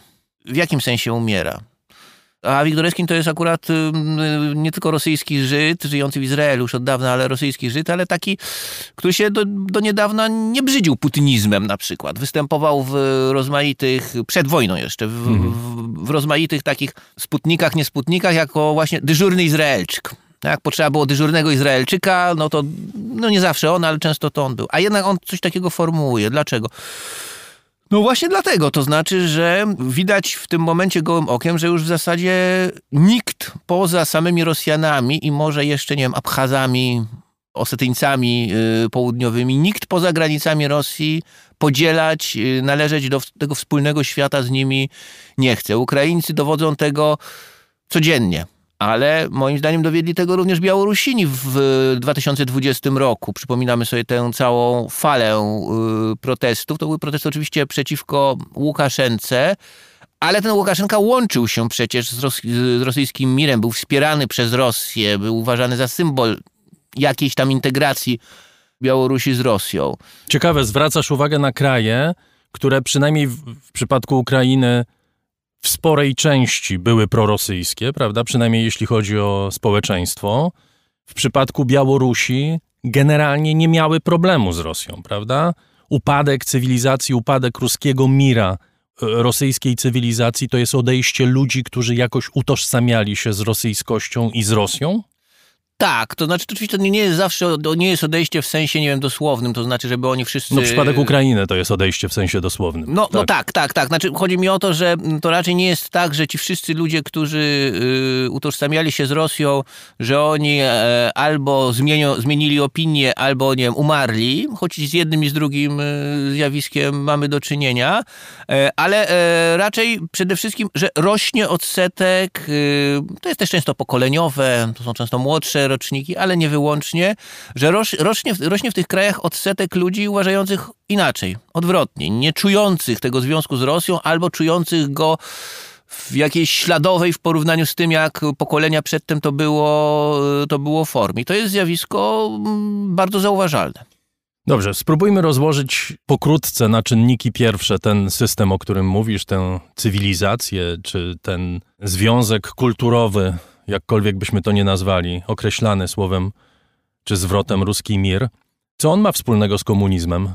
No on ma to wspólnego, on jest starszy niż komunizm, znacznie starszy, ale też komunizm yy, mocno na, na ruski mir wpłynął, a ruski mir wpłynął na komunizm. Ja jestem zdania wśród y, rosjoznawców, wśród sowietologów na zachodzie, ale i w samej Rosji bardzo ostry się toczył, toczy dalej spór na temat tego, na ile Rosję komunistyczną można uznać za kontynuację Rosji, na ile to było zerwanie, prawda? Coś zupełnie nowego, przyniesionego z Zachodu przez jakichś spadochroniarzy intelektualno-politycznych. Y, no, u nas na przykład Józef Mackiewicz, który był antykomunistą tak radykalnym, że radykalniej, radykalniejszego i konsekwentniejszego trudno sobie wyobrazić, zarazem był zdania, że nie ma związku między rosyjskością a komunizmem że to jest właśnie zaprzeczenie. Bardzo gorąco on Rosji przed y, tym związkiem, że tak powiem, y, bronił. Y, ja to o tym mówię dlatego, że to nie jest, że to, to, wszystko nie dzieli się tak prosto, że ci, którzy uważają, że rosyjskość y, nie ma nic wspólnego z komunizmem, że to muszą być y, jacyś tam właśnie mm, kryptokomuniści, czy musieli być, czy coś takiego. Nie, nie, nie. To było znacznie bardziej skomplikowane i jest. Natomiast ja uważam, że Józef Mackiewicz racji nie miał. To znaczy całe y, istnienie Rosji, ewolucja kształtu jej y, kultury, no nie chodzi oczywiście o całą kulturę, ale o takich znaczące elementy na styku kultury i życia publicznego, przygotowywały Rosję do, do bolszewizmu i bolszewizm y, dlatego zwyciężył tak relatywnie łatwo, Musia, bo konieczna była wojna domowa, ale w tej wojnie domowej yy, w zasadzie czerwoni mieli mm, przewagę cały czas i ją wygrali, mimo że, mm, mimo że i, pomoc zagraniczna, jeżeli jakaś tam była, to była dla ich przeciwników. Słaba pomoc, ale była, prawda? Oni nie otrzymywali żadnej pomocy zagranicznej, wygrali. No, no to dowodzi moim zdaniem tego, że wówczas albo większość Rosjan była po stronie bolszewików, albo przynajmniej większość aktywnych Rosjan była po stronie bolszewików. No dla, dlaczegoś to się stało? Dlatego, że bolszewicy zaprzeczali Rosji, bolszewicy odrzucali rosyjskość i Rosję. Ty o tym piszesz w książce. Bolszewicy na jednym planie odrzucali rosyjskość i Rosję i byli to y, rzeczywiście ludzie ukształtowani przez niechęć do starej Rosji. Oni by ją chętnie... Jest takie bardzo fajne zdjęcie z, związane z jakimiś, jakieś, jakieś y, Rosja lat 20., Moskwa lat 20., y, jakieś tam uroczystości na Placu Czerwonym. Oddziały żołnierzy niosą na sznurach, znaczy niosą, trzymają, na, idąc trzymają na sznurach wypełnione jakimś helem czy jakimś tam no, gazem latającym balony, a te balony to są takie chaty, takie rosyjskie chaty, które tradycyjne wiejskie i podpis do tego był bolszewicy wysyłają starą Ruś w kosmos. To bardzo dobrze oddaje myślenie tych ludzi. Mm, no Chociaż ale... oczywiście potem te związki komunizmu z nacjonalizmem stały dokładnie, się i nie bardzo tylko bliskie, potem, mówiąc nie, Dokładnie, dokładnie tak. tak. i nie tylko potem, ale bardzo szybko. To jest zastanawiające bardzo, jak mało czasu w sensie historycznym, bo to kilkanaście lat, y, zabrało, żeby z y, największych internacjonalistów żeby mówiąc współczesnym językiem, rusofobów, bo bolszewicy w większości swojej byli takimi rusofobami, nawet jeżeli etnicznie byli całkowitymi, stuprocentowymi Rosjanami, przeszli często nie zdając sobie z tego sprawę na, na, na, wiele pozycji ideologicznych i takich szerzej postrzegania świata, jakie y, mieli ich poprzednicy. No, na przykład mm, idea wyjątkowości Rosji, prawda? To jest, to jest rzecz bardzo mm, podstawowa. E, Rosja zawsze uważała się właśnie za wyjątkową, za jakiś taki obszar, którego nie dotyczą część prawideł, zasad, nawet nie tylko obowiązujących, ale działających gdzie indziej, a w Rosji nie. To było tłumaczone na różne sposoby. Przede wszystkim była wizja świętości Rosji, świętości Rusi, prawda? Kraju bogonośca, ludu bogonośca. Kraju, który był od zawsze, od tam, to przecież nawet Rosjanie potrafili apokalipsę świętego Jana, pewne jej fragmenty yy, i pewne te fragmenty starotest teksty starotestamentowe interpretować jako zapowiedzi powstania i takiego milenialnego zwycięstwa Rosji właśnie, kiedyś tam u kresu czasów. Paradoksem, jeśli wrócimy do komunizmu, to paradoksem jest, że w którymś momencie te elementy stały się częścią kultury rosyjskiej czy cywilizacji rosyjskiej, również tej cywilizacji osadzonej w komunizmie, podczas gdy komunizm przecież był ideą zachodnią, prawda? I komunizm się z Niemiec wziął. Oczywiście, że tak i z tego punktu widzenia są tacy, którzy uważają, że komunizm należy uznać za najdalej idącą i najbardziej radykalną próbę westernizacji, okcydentalizacji Rosji, jakakolwiek kiedykolwiek została podjęta. No ale zobaczmy, czym to się kończy. Kończy się to w ten sposób, że mówiłem przedtem o tej wyjątkowości Rosji, że ci sami ludzie, którzy zwalczali ideę wyjątkowości Rosji radykalnie, z fanatyzmem i tak dalej, po kilku najdalej kilkunastu latach przechodzą znowuż na pozycję wyjątkowości Rosji.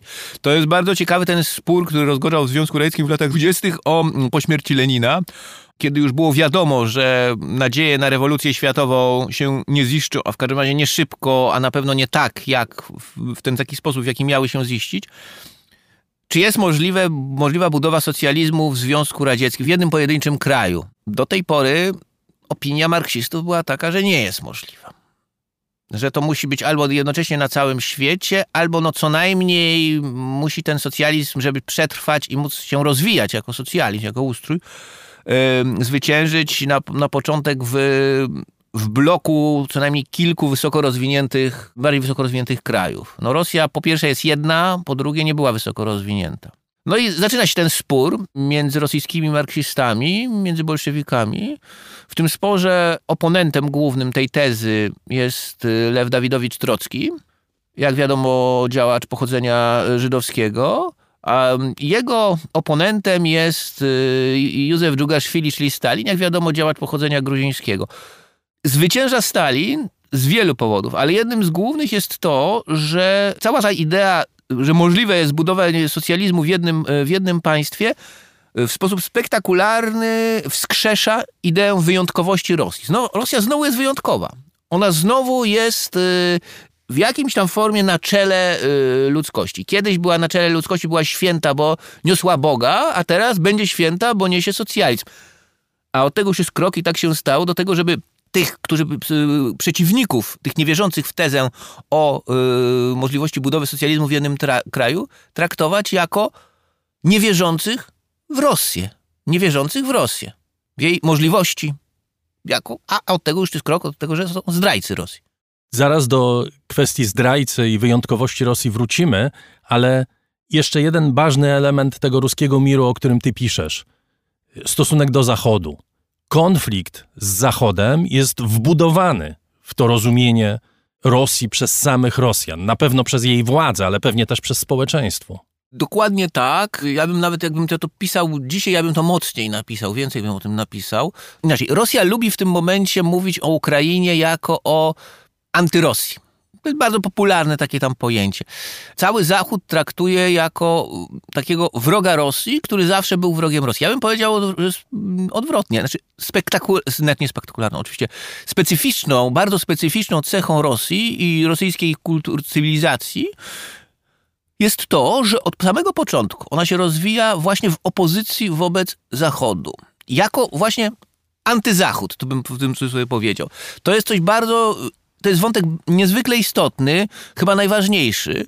Rosja zawsze była przeciw Zachodowi, jakby musiała być przeciw Zachodowi i to, i to też, zauważmy, że trochę niezależnie od tego, jaki ten Zachód w danej epoce był.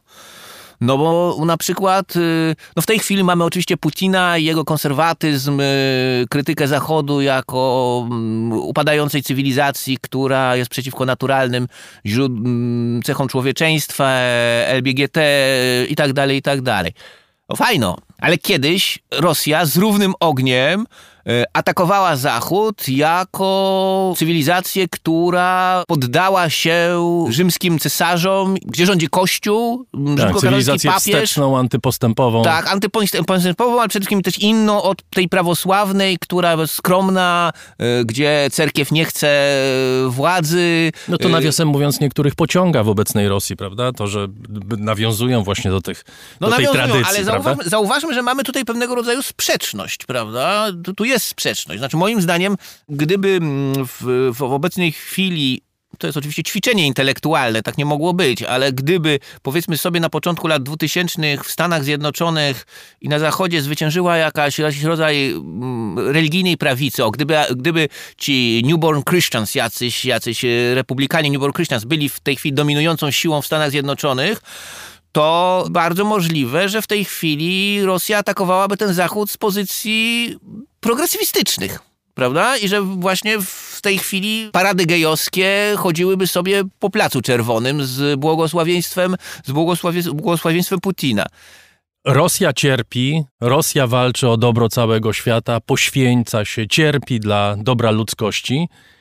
A jeśli ktoś tego nie rozumie, to nie jest godny, żeby żyć? Sam ponosi winę za to, że Rosja po prostu musi go zniszczyć, bo innej możliwości nie ma? Może nie tyle, jeżeli tego ktoś tego nie rozumie, ile jeżeli się temu opiera. Jeśli się temu opiera. To jest też bardzo ciekawa mm, cecha właśnie rosyjskości, mm, bo, bo to nie, Rosjanie mówią o sobie, że właśnie nie są nacjonalistami, w odróżnieniu od rozmaitych innych. W odróżnieniu od Ukraińców na przykład. No na przykład od Ukraińców, ale również od, od, od, od Polaków. Oni w tak szereg postawią. I ja powiem tak, rzeczywiście nacjonalizm w takim klasycznym y, rysie nie jest taką dominującą cechą Rosjan. Oni mają rzeczywiste doświadczenie w życiu z, dłuższe niż kraje Zachodu, w życiu z, w, w, w rzeczywistości, w której Gdzieś obok są, są kultury inne, no bo tam zawsze no, tradycja tego, że w, Moskwie mieszkają Gruzini, Tatarzy, to jest znacznie dłuższa niż tradycja, w której w Londynie czy Paryżu, czy Paryżu mieszkają y, muzułmanie na, na, na przykład, czy też, czy też jacyś ludzie z Jamajki. Rosjanie to rozumieją, Rosjanie jakoś tam potrafią z nimi żyć, ale to wszystko jest do momentu, w którym taka grupa, i wszystko jedno, czy ona jest w tym momencie wewnątrz Federacji Rosyjskiej, czy na zewnątrz, nie udowodni tego, że ona nie zgadza się z tą cywilizacją rosyjską i nie chce zajmować tego miejsca, które Rosjanie dla niej wymyślili tym ruskim mirze właśnie. No i wtedy właśnie, wtedy to już jest zdrada. Wtedy to już jest zdrada i wtedy ta strzałka z pozycji bratajmy się, bo wszyscy jesteśmy braćmi w, w, nie wiem, w Bogu, w słowiaństwie, w czymkolwiek, bardzo łatwo przechodzi na pozycję pod tytułem eksterminujemy zdrajców. No właśnie, Ukraińcy są naszymi braćmi, poświęcamy się dla nich, ale jak nie chcą być naszymi braćmi i przeciwstawiają się temu, to ich wymordujemy po tak, prostu. i któryś z przywódców y, DNR z tego pierwszego rzutu z 2014 lat 2014-15, to teraz w czasie tej wojny powiedział to zupełnie otwarcie.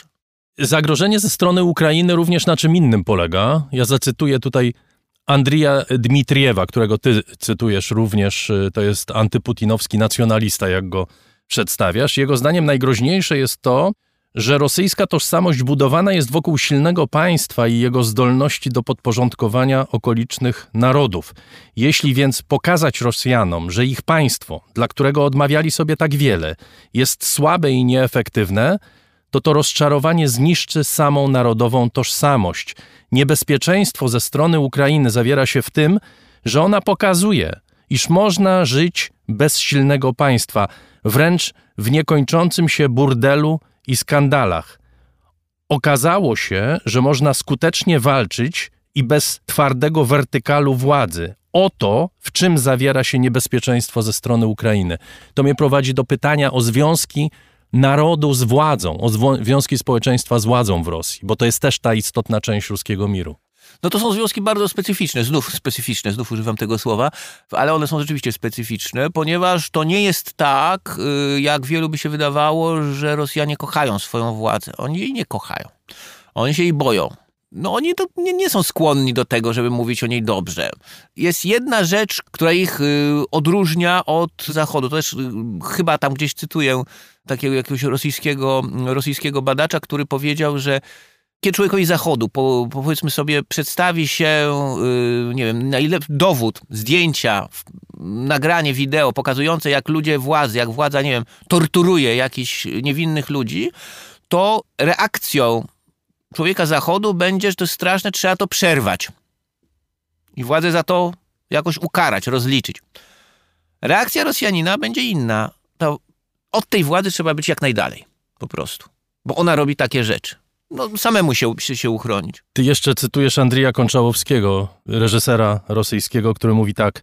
U nas w Rosji nie ma opinii publicznej, ponieważ większość obywateli nie ma żadnej ochoty w jakikolwiek sposób wpływać na działania władzy. To jest dokładnie to, co mówisz. Tak jest, y, przy czym tutaj możemy wrócić do cytatu, od którego zacząłeś ten, ten, ten, ten fragment naszej dyskusji, dotyczącego y, związków między rosyjskością a silnym państwem to y, jest formułowane przez wielu ludzi w różny sposób w tej chwili.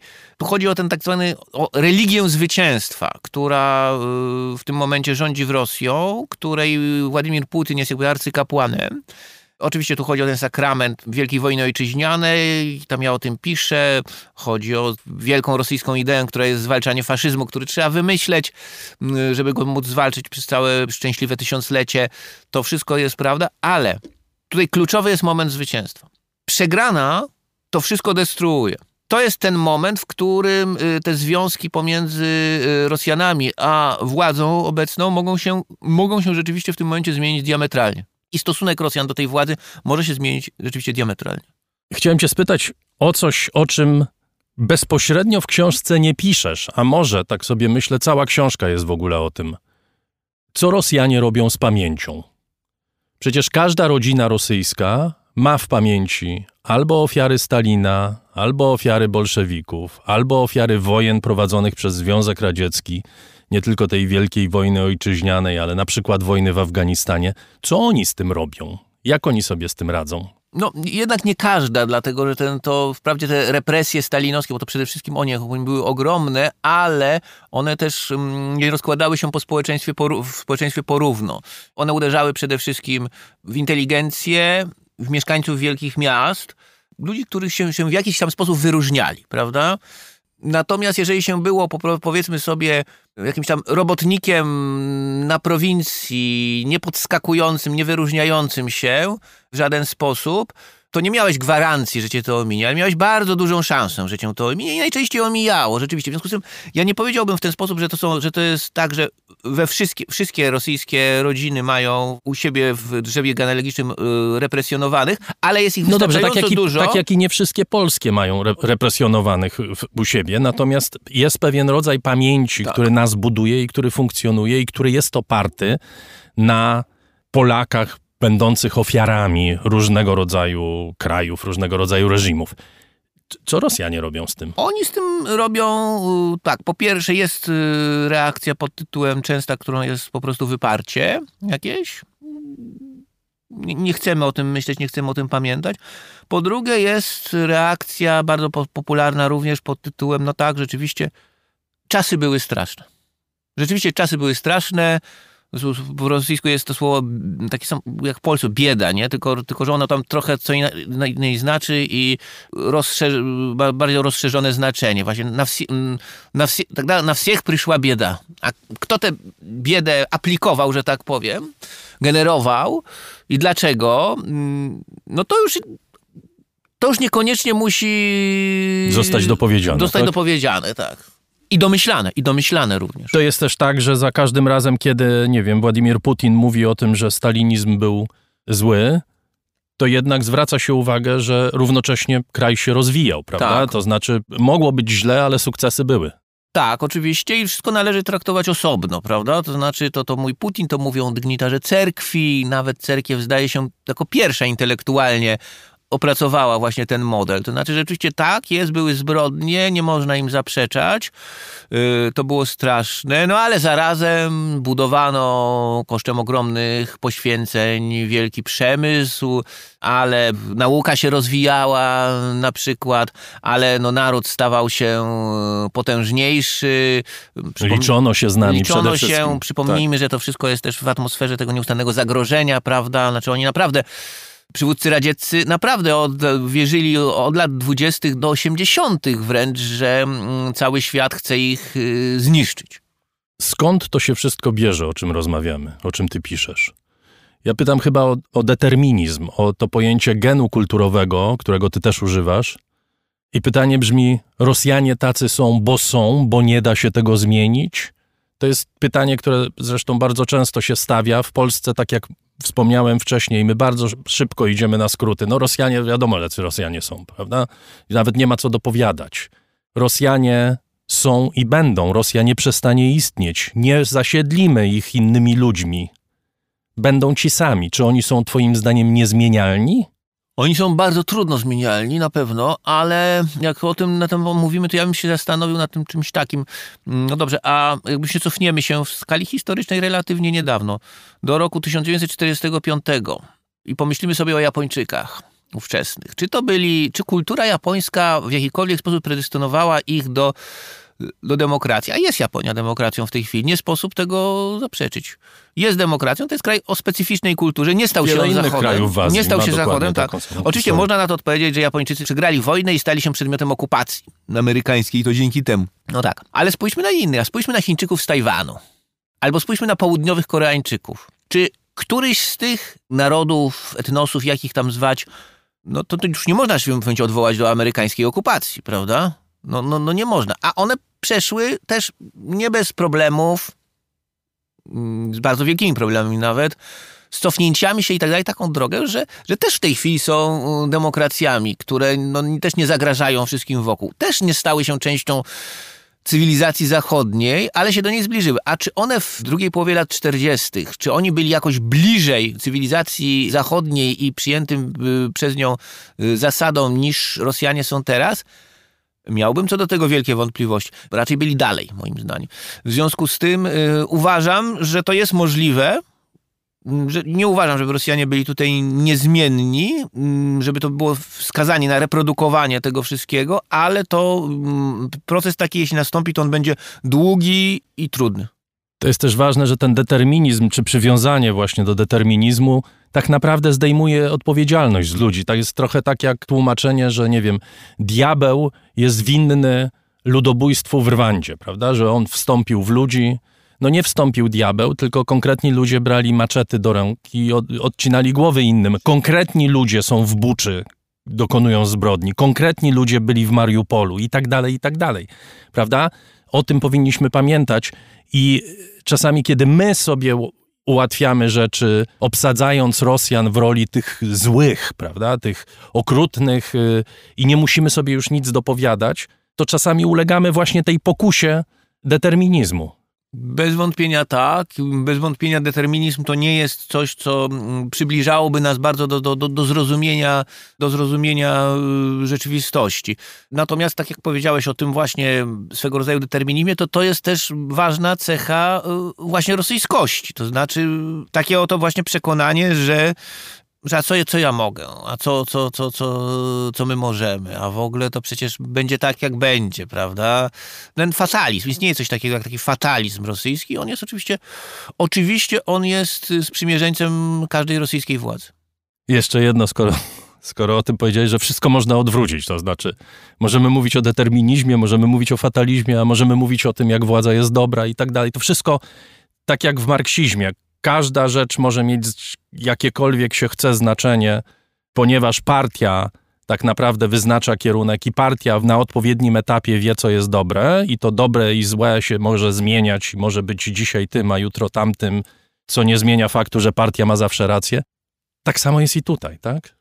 Tak samo jest i tutaj oczywiście i to jest, to jest też zresztą związane no, z wieloma rzeczami. To jest związane mm, również i z tą szkołą komunizmu, prawda? To znaczy z mm, masową recepcją dialektyki marksistowskiej czy marksistowsko-leninowskiej w wersji prostackiej, prawda? To znaczy nie wchodząc w to, czym jest dialektyka tak w ogóle i tego to filozoficzna wielka dyskusja, ale w, w takim powszechnym rozumieniu, w, w praktyce yy, krajów komunistycznych a zwłaszcza Rosji, no to oznaczało to, że na każdym etapie władza y, jest w stanie mm, y, nagle zacząć robić coś innego i przeciwnego niż robiła do tej pory, ale nie tylko zacząć to robić, ale uzasadniać to, że tak jest zgodny z doktryną. Czyli co, do tej pory to było niezgodnie z doktryną? No, czasem tak, czasem, a czasem nie, a potem nagle władza może znowuż zmienić y, politykę w, y, o 180 stopni i znowuż uzasadniać to zgodnością z doktryną, prawda? I aplikowanie czegoś takiego mm, przez długo społeczeństwu, no musi prowadzić do destrukcji, no właśnie pojęcia prawdy, prawda? Koniec ruskiego miru ze znakiem zapytania o ideowych źródłach rosyjskiej agresji to jest tytuł książki Piotra Skwiecińskiego. Piotr Kwieciński był gościem raportu o stanie świata. Dziękuję Ci bardzo. Ja dziękuję. A książkę serdecznie Państwu polecam. Kilka książek mamy dla Państwa. Proszę pisać na adres raportrosiaka.gmail.com. A teraz czas na spotkanie, które określamy kryptonimem 3R.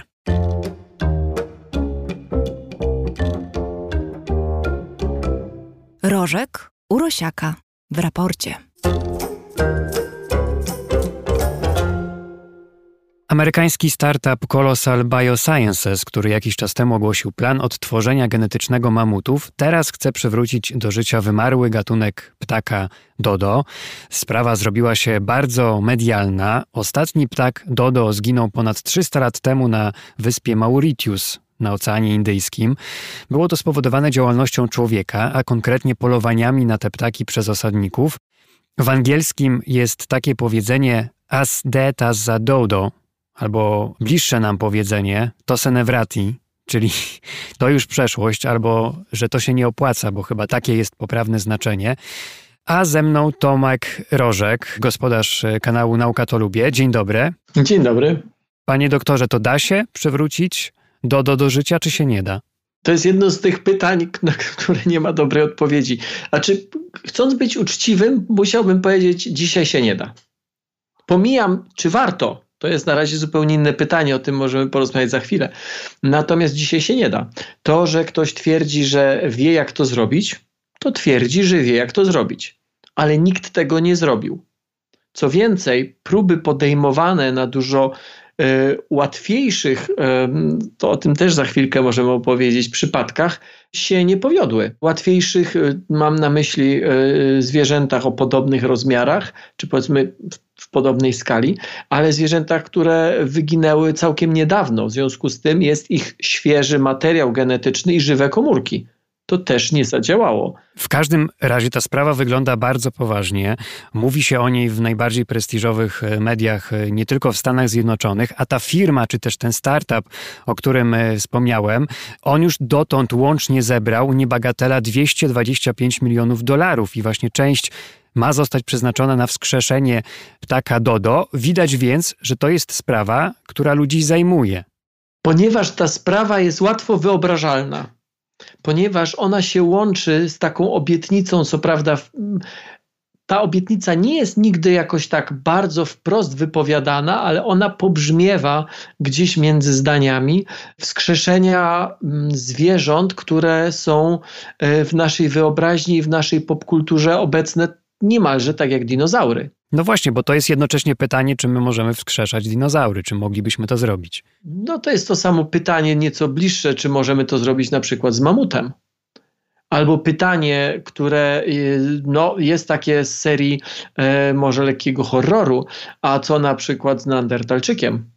Czy my jesteśmy w stanie to zrobić? Nie, nie jesteśmy. Ale chcąc być znowu uczciwym, muszę dodać kolejne zdanie. Dzisiaj nie jesteśmy. Być może w przyszłości będziemy. Natomiast dzisiaj, mimo ogromnych, ogromnych postępów e, w biotechnologii, w genetyce, wciąż nie jesteśmy w stanie wskrzesić gatunków, które wyginęły nawet stosunkowo niedawno. Ptak Dodo wyginął no, 300 lat temu, ale nie ma jego żywych komórek. E, czy jest jego pełny materiał genetyczny? Mm, nie wiem. Czy da się to jakoś sprawdzić? Pewnie się da. Tyle. Ale w każdym razie ta wspomniana firma, e, możemy jeszcze powiedzieć, co to jest za firma. Oczywiście mieliśmy w historii nie tak dawnej zresztą przecież też historię różnych startupów i firm, czy osób, które zarządzały tymi startupami, jak na przykład Elizabeth Holmes, która miała wymyślić sprzęt do szybkiego, ultra szybkiego badania krwi. Później to się okazało jednym wielkim oszustwem, ale tak naprawdę chyba nie to jest najważniejsze i nie taka jest motywacja. To znaczy, ludzie mimo wszystko gdzieś tam mają wielką ochotę, żeby takie rzeczy się działy. Tutaj w przypadku tej firmy jest też konkretny plan, w jaki sposób miałoby się to stać. Chodzi głównie o to, żeby odtworzyć to zwierzę z materiału genetycznego, żeby odczytać genom z materiału genetycznego odzyskanego z zachowanych szczątków zwierzęcia. To brzmi jak dobry plan, który nikomu się nie udał. Nie udał się nawet tym, którzy mają do dyspozycji dużo więcej. Nie tylko kod genetyczny, ale żywą komórkę. Też się nie udał, mimo tego, że próbowali. Jest taki projekt Łazarz, e, którego autorzy e, nie tak dawno temu, w 2016 roku, próbowali przywrócić do życia taki wymarły gatunek australijskiej żaby. Ten gatunek wymarł w latach 90. poprzedniego wieku, przełom 80., 90., chyba, o ile dobrze pamiętam, e, czyli nie wiem, 40 lat temu, tak? czy tam 35 lat temu, więc, więc w zasadzie wczoraj.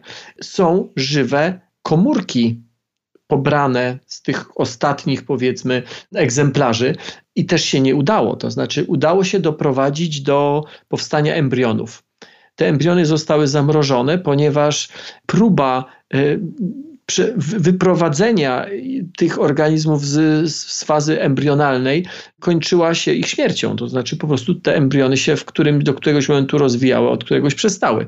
W związku z tym postanowiono nie próbować dalej, tylko postanowiono zamrozić embriony i, i, i poczekać. E, być może kiedyś się czegoś więcej nauczymy.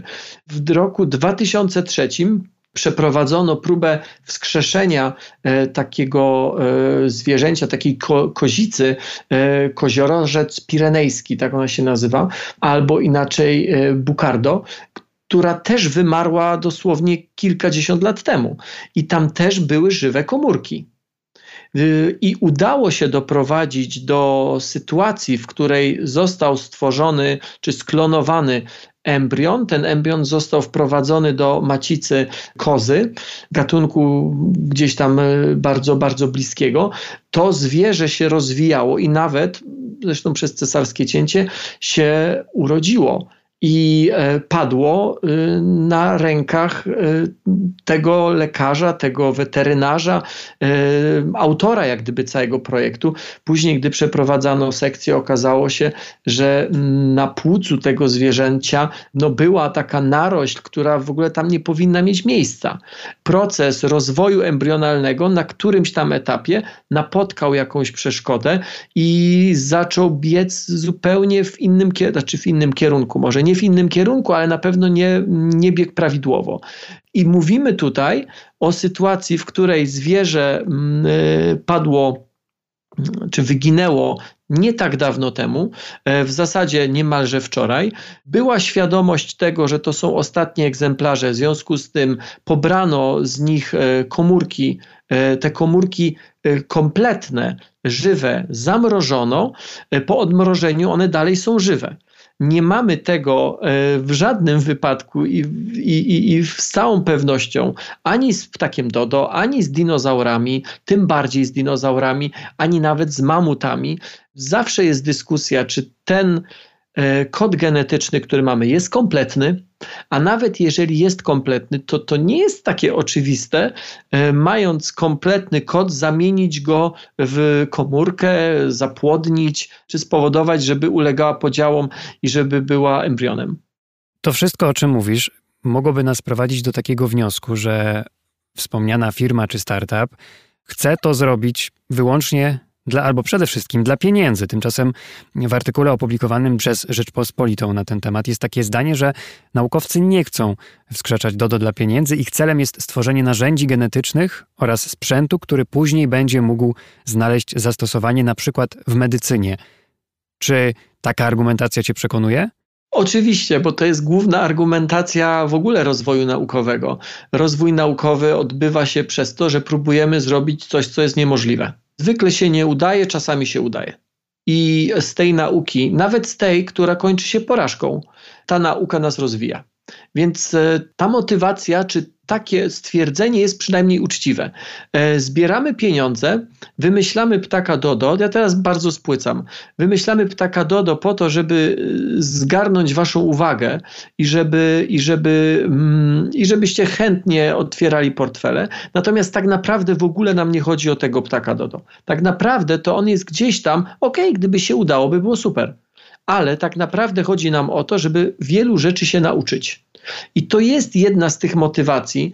Jak rozmawialiśmy, jak umawialiśmy się na to dzisiejsze nagranie, to w trakcie rozmowy gdzieś tam wyszło, już nie wiem czy z Twojej, czy z mojej strony, że dobrze jest sobie określić tak mniej więcej, po co to w ogóle, po co w ogóle to robić, bo e, zwierząt takich, które próbuje się wskrzesić albo mówi się, że się wskrzesi, ta lista jest całkiem długa. To, to, to, nie jest tak, że to są trzy czy cztery mm, pomysły. Ich jest naprawdę dużo.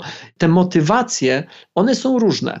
Wydaje mi się, że bardzo często e, komunikowana jest taka motywacja związana z jakimiś wyrzutami sumienia. To znaczy, my ludzie e, wykończyliśmy cały gatunek, w związku, z tego, w związku z tym my ludzie powinniśmy zrobić wszystko, żeby go przywrócić do życia. Jest to z różnych Y, motywacji dla mnie najbardziej bzdurna i najbardziej nierealna. Zresztą y, oczywiście w środowisku biologów czy ewolucjonistów zdania są podzielone, czy warto wskrzeszać wymarłe gatunki, czy nie. Też o tym możemy powiedzieć, bo to jest bardzo ciekawe, bo i jedni i drudzy mają rację. Dlatego też chciałem, Tomku, żebyś ty spróbował zmierzyć się z tym pytaniem jako osoba niezależna, patrząca na to y, z pewnej perspektywy, ale jednocześnie świetnie osadzona w środowisku naukowym. Czy te kontrowersje są uzasadnione? One są uzasadnione, bo jeżeli ktoś mówi tak, wskrześmy mamuty, bo na Ziemi kiedyś żyły mamuty i niemalże moralne jest to, żeby znowu żyły mamuty, to y, ja nie wiem, czy mam się śmiać, czy mam się łapać za głowę. Y, nawet jeżeli wskrzesimy jakieś zwierzę, to pomiędzy wskrzeszeniem, a my nie potrafimy tego robić, ale nawet jeżeli byśmy potrafili, pomiędzy wskrzeszeniem a odbudowaniem ekosystemu, bo przecież gatunek nie żyje na pustyni, tak? Tam musi być wiele więcej klocków. Jest droga dużo, dużo trudniejsza i dłuższa niż moim zdaniem wybudowanie stałej bazy na przykład na Marsie. To, jest, to, to, to są zupełnie inne wyzwania. My mówimy o ożywianiu zwierząt, które, mm, których już nie ma. Ale kolejnym krokiem jest namnożenie tych zwierząt. Chyba, że chcemy stworzyć jedno zwierzę i poczekać aż padnie. Czy w wyniku chorób, czy jakichś wad rozwojowych, czy dlatego, że nie będzie miał partnera.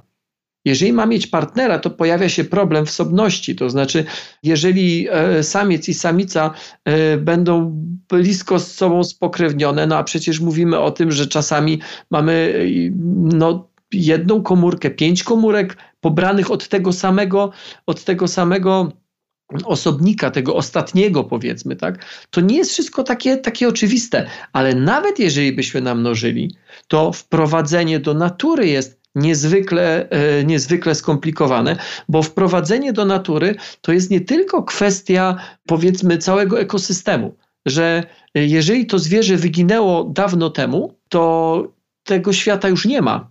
To w tym miejscu, w którym ono żyło, na przykład mamut, on by tam padł z głodu. Ponieważ wtedy, kiedy żyły mamuty, na e, Syberii rosły wysokie trawy. Dzisiaj tam są mchy. On tam by nie miał co jeść. Więc zanim ten mamut, to najpierw musielibyśmy tam stworzyć zupełnie inny ekosystem. Te trawy dzisiaj tam nie przeżyją, dlatego że one tam były dlatego, że po nich biegały manuty, a one rosły na odchodach mamutów. Koło się zamyka. Ale jest taki przypadek, o którym warto tutaj powiedzieć.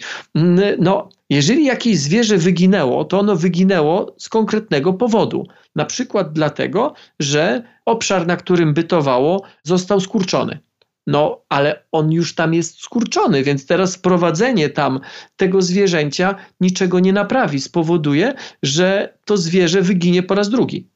Jest taki przypadek Mm, oryksa arabskiego, e, który e, został namnożony w zoo. To nie było zwierzę, które wymarło, to było zwierzę, które było na granicy wyginięcia. E, ostatnie sztuki żyły w zoo, udało się je namnożyć i powstał program jakby przywracania ich naturze. Mm, gdy je przywrócono naturze, to był rok 82, po, początek lat 80. Prowadzono je najpierw do rezerwatu w Omanie i i absolutnie wszystkie zostały zastrzelone przez kłusowników. Oryks arabski, czyli coś w rodzaju kozy. Jeszcze chyba no, dodajmy, tak, jeżeli dobrze. Bardzo, bardzo ładnej kozy, tak, tak, tak. Natomiast one wszystkie zostały zastrzelone przez kłusowników, dlatego że poroże zwierzęcia, którego nie było w naturze, jest czymś tak cennym, że po prostu wszystkie zostały zabite. Wskrzeszanie wymarłych gatunków e, zwierząt przynosi nam skojarzenia, a z pewnością pewnie sporej części laików przynosi, z klonowaniem. Był taki czas, gdy o klonowaniu mówiło się całkiem dużo. W 1996 roku w Szkocji e, urodziła się e, słynna owca Dolly, pierwszy ssak sklonowany z dorosłych komórek somatycznych.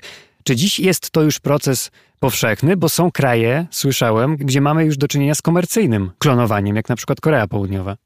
To jest trudny temat, a czyli powiem tak, to zależy o co konkretnie pytasz. Jeżeli pytasz o na przykład owieczkę Doli, to może warto dodać, że owieczka Doli padła mm, nie ze starości, tylko z powodu wad rozwojowych i z powodu tego, że miała y, źle rozwinięte stawy. Ona się nie potrafiła prawie ruszać.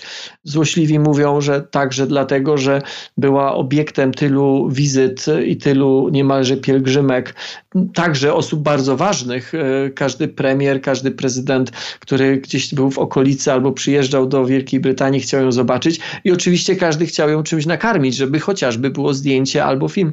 Więc ona miała poważną nadwagę, ale, tak, ale to złośliwi twierdzą, bo w rzeczywistości ona miała poważną nadwagę, dlatego że ona prawie w ogóle nie potrafiła się ruszać. Ona, ona e, miała zwyrodnienia stawów. Czy one były spowodowane klonowaniem, czy po prostu nie wiem, taka się urodziła, być może tak statystycznie niektóre owce też to mają. Nie jestem weterynarzem, trudno mi powiedzieć, natomiast jej żywot nie był żywotem szczęśliwym. I o tym też warto powiedzieć w przypadku klonowania czy w przypadku e, ożywiania zwierząt. Nawet jeżeli to by się udało, a będę to podkreślał, żeby to jasno wybrzmiało, nie potrafimy tego robić. Ale nawet gdyby się to udało, to stwarzamy jeden egzemplarz jakiegoś zwierzęcia. I jest pytanie o motywację. Po co? Y, po to, żeby popatrzeć na to zwierzę w zoo, w klatce? Czy po to to robimy? Y, rozumiem argument i całej długiej listy argumentów, które sobie wynotowałem, przygotowując się do dzisiejszej rozmowy, to ten argument akurat do mnie najbardziej trafia, czyli chcemy się nauczyć, jak pewne rzeczy funkcjonują. Chcemy stworzyć nowe sposoby mm, nowe metody w powiedzmy biotechnologii w genetyce. Chcemy zrozumieć mechanizmy, które na etapie czy na poziomie e, rozwoju komórki, e, czy w ogóle komórki, których dzisiaj najpewniej nie rozumiemy i dlatego zaliczamy porażkę za porażką. I rozumiem tą motywację, i to jest dla mnie jedyna motywacja, jaka tak naprawdę z tej długiej listy by się liczyła. Czyli rozumiem, że w tej motywacji nie mieści się komercyjne klonowanie zwierząt, jak na przykład w Korei Południowej, gdzie podobno, powtarzam, podobno można sklonować sobie psa czy kota za kilkadziesiąt ty tysięcy. Można, ale, ale to jest inny rodzaj wyzwań. Bo tu mówimy o jednym gatunku i klonowanie jako takie jest możliwe i jest wykonalne. I to dzisiaj nie jest coś, co budziłoby naukową sensację. Da się tak, da się sklonować kota, da się sklonować psa. Kwestią filozoficzną trochę jest to, czy to jest ten sam pies, bo nawet jeżeli, albo ten sam kot, bo nawet jeżeli genetycznie one będą takie same, to pamiętajmy o tym, że genetyka to jest tylko część tego, kim jesteśmy, albo czym te zwierzęta są. Reszta to jest otoczenie, to jest dieta, to jest, to jest cała masa różnych rzeczy. Więc może się okazać, że sklonowany y, kot e, nie, nie ma tej samej kopią, duszy. będzie zupełnie innym kotem, mimo tego, że fizycznie może go przypominać, e, może być nawet bardzo podobny, na pewno będzie miał to samo umaszczenie, e, ale na przykład, gdy go inaczej będziemy karmili, to tamten mógł być chudy, a ten będzie gruby. Tak? Więc to jakby tutaj też warto to mieć e, na uwadze, że to nie jest tak, że i to dotyczy nie tylko nas ludzi, ale to dotyczy w ogóle organizmów żywych, to nie jest tak, że geny determinują absolutnie wszystko. One Chociaż są... niektórzy twierdzą, że dusza zawiera się w DNA. No proszę, ja bym się nie podpisał pod takim stwierdzeniem. Natomiast w tym wszystkim jest jeszcze jedna rzecz, o której warto powiedzieć, moim zdaniem. Bo my mówiąc o ożywianiu pewnych gatunków, e, mówimy właśnie o takiej sytuacji, w której klonujemy, to znaczy pobieramy z materiału e, zwierzęcia, którego już nie ma. I tutaj jest właśnie to, o czym wcześniej mówiłem.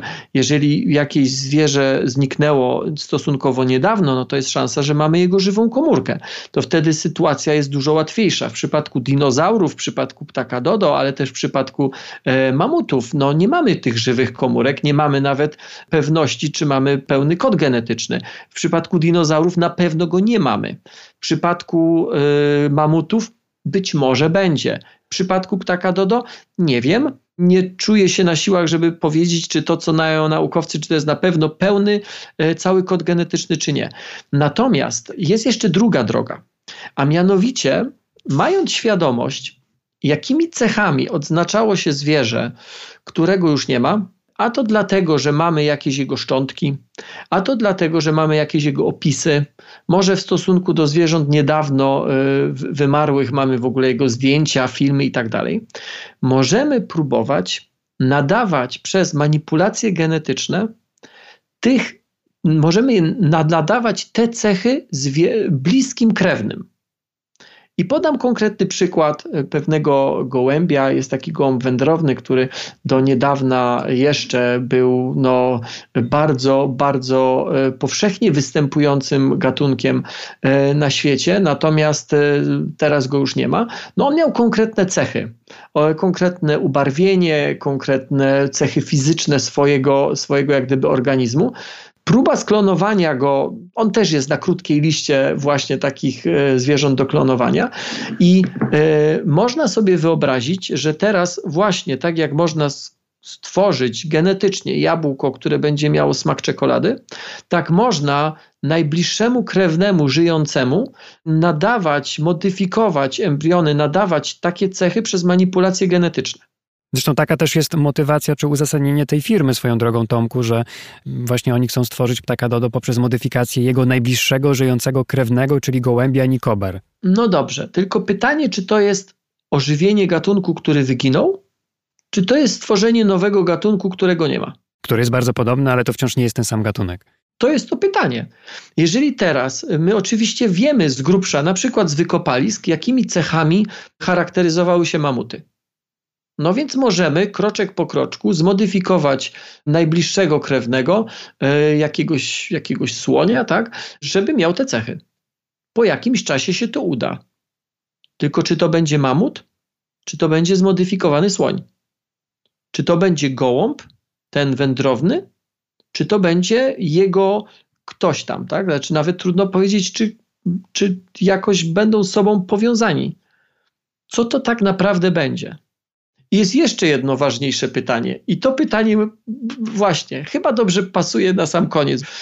Czy my powinniśmy poświęcać tyle uwagi i pieniędzy na to, żeby wskrzeszać kilka, kilkanaście, może kilkadziesiąt gatunków, które wymarły, głównie dzięki naszej działalności, o ile nie tylko dzięki naszej działalności, czy też warto by było się zastanowić, co zrobić, żeby kolejne nie wymierały? To jest to pytanie. I co my mamy teraz zrobić? Musimy Państwa z tymi wszystkimi pytaniami zostawić. Może do części z nich jeszcze wrócimy. Bardzo Ci dziękuję, Tomku. Bardzo dziękuję. Tomasz Rożek, gospodarz kanału serwisu Nauka to Lubię i stały współpracownik raportu o stanie świata, który oczywiście jeszcze do nas wróci.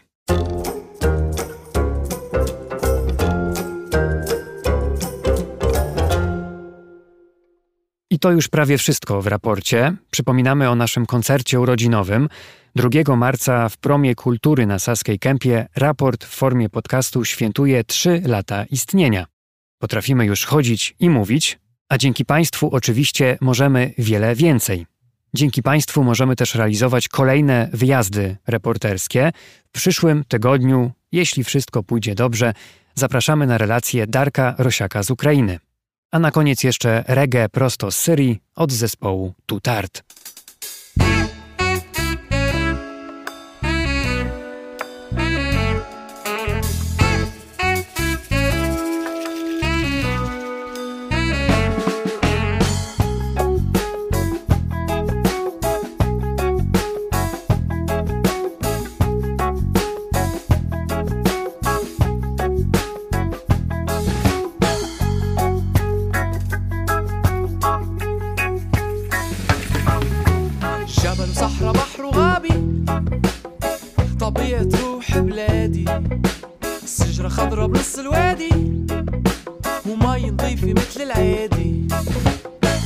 صحراء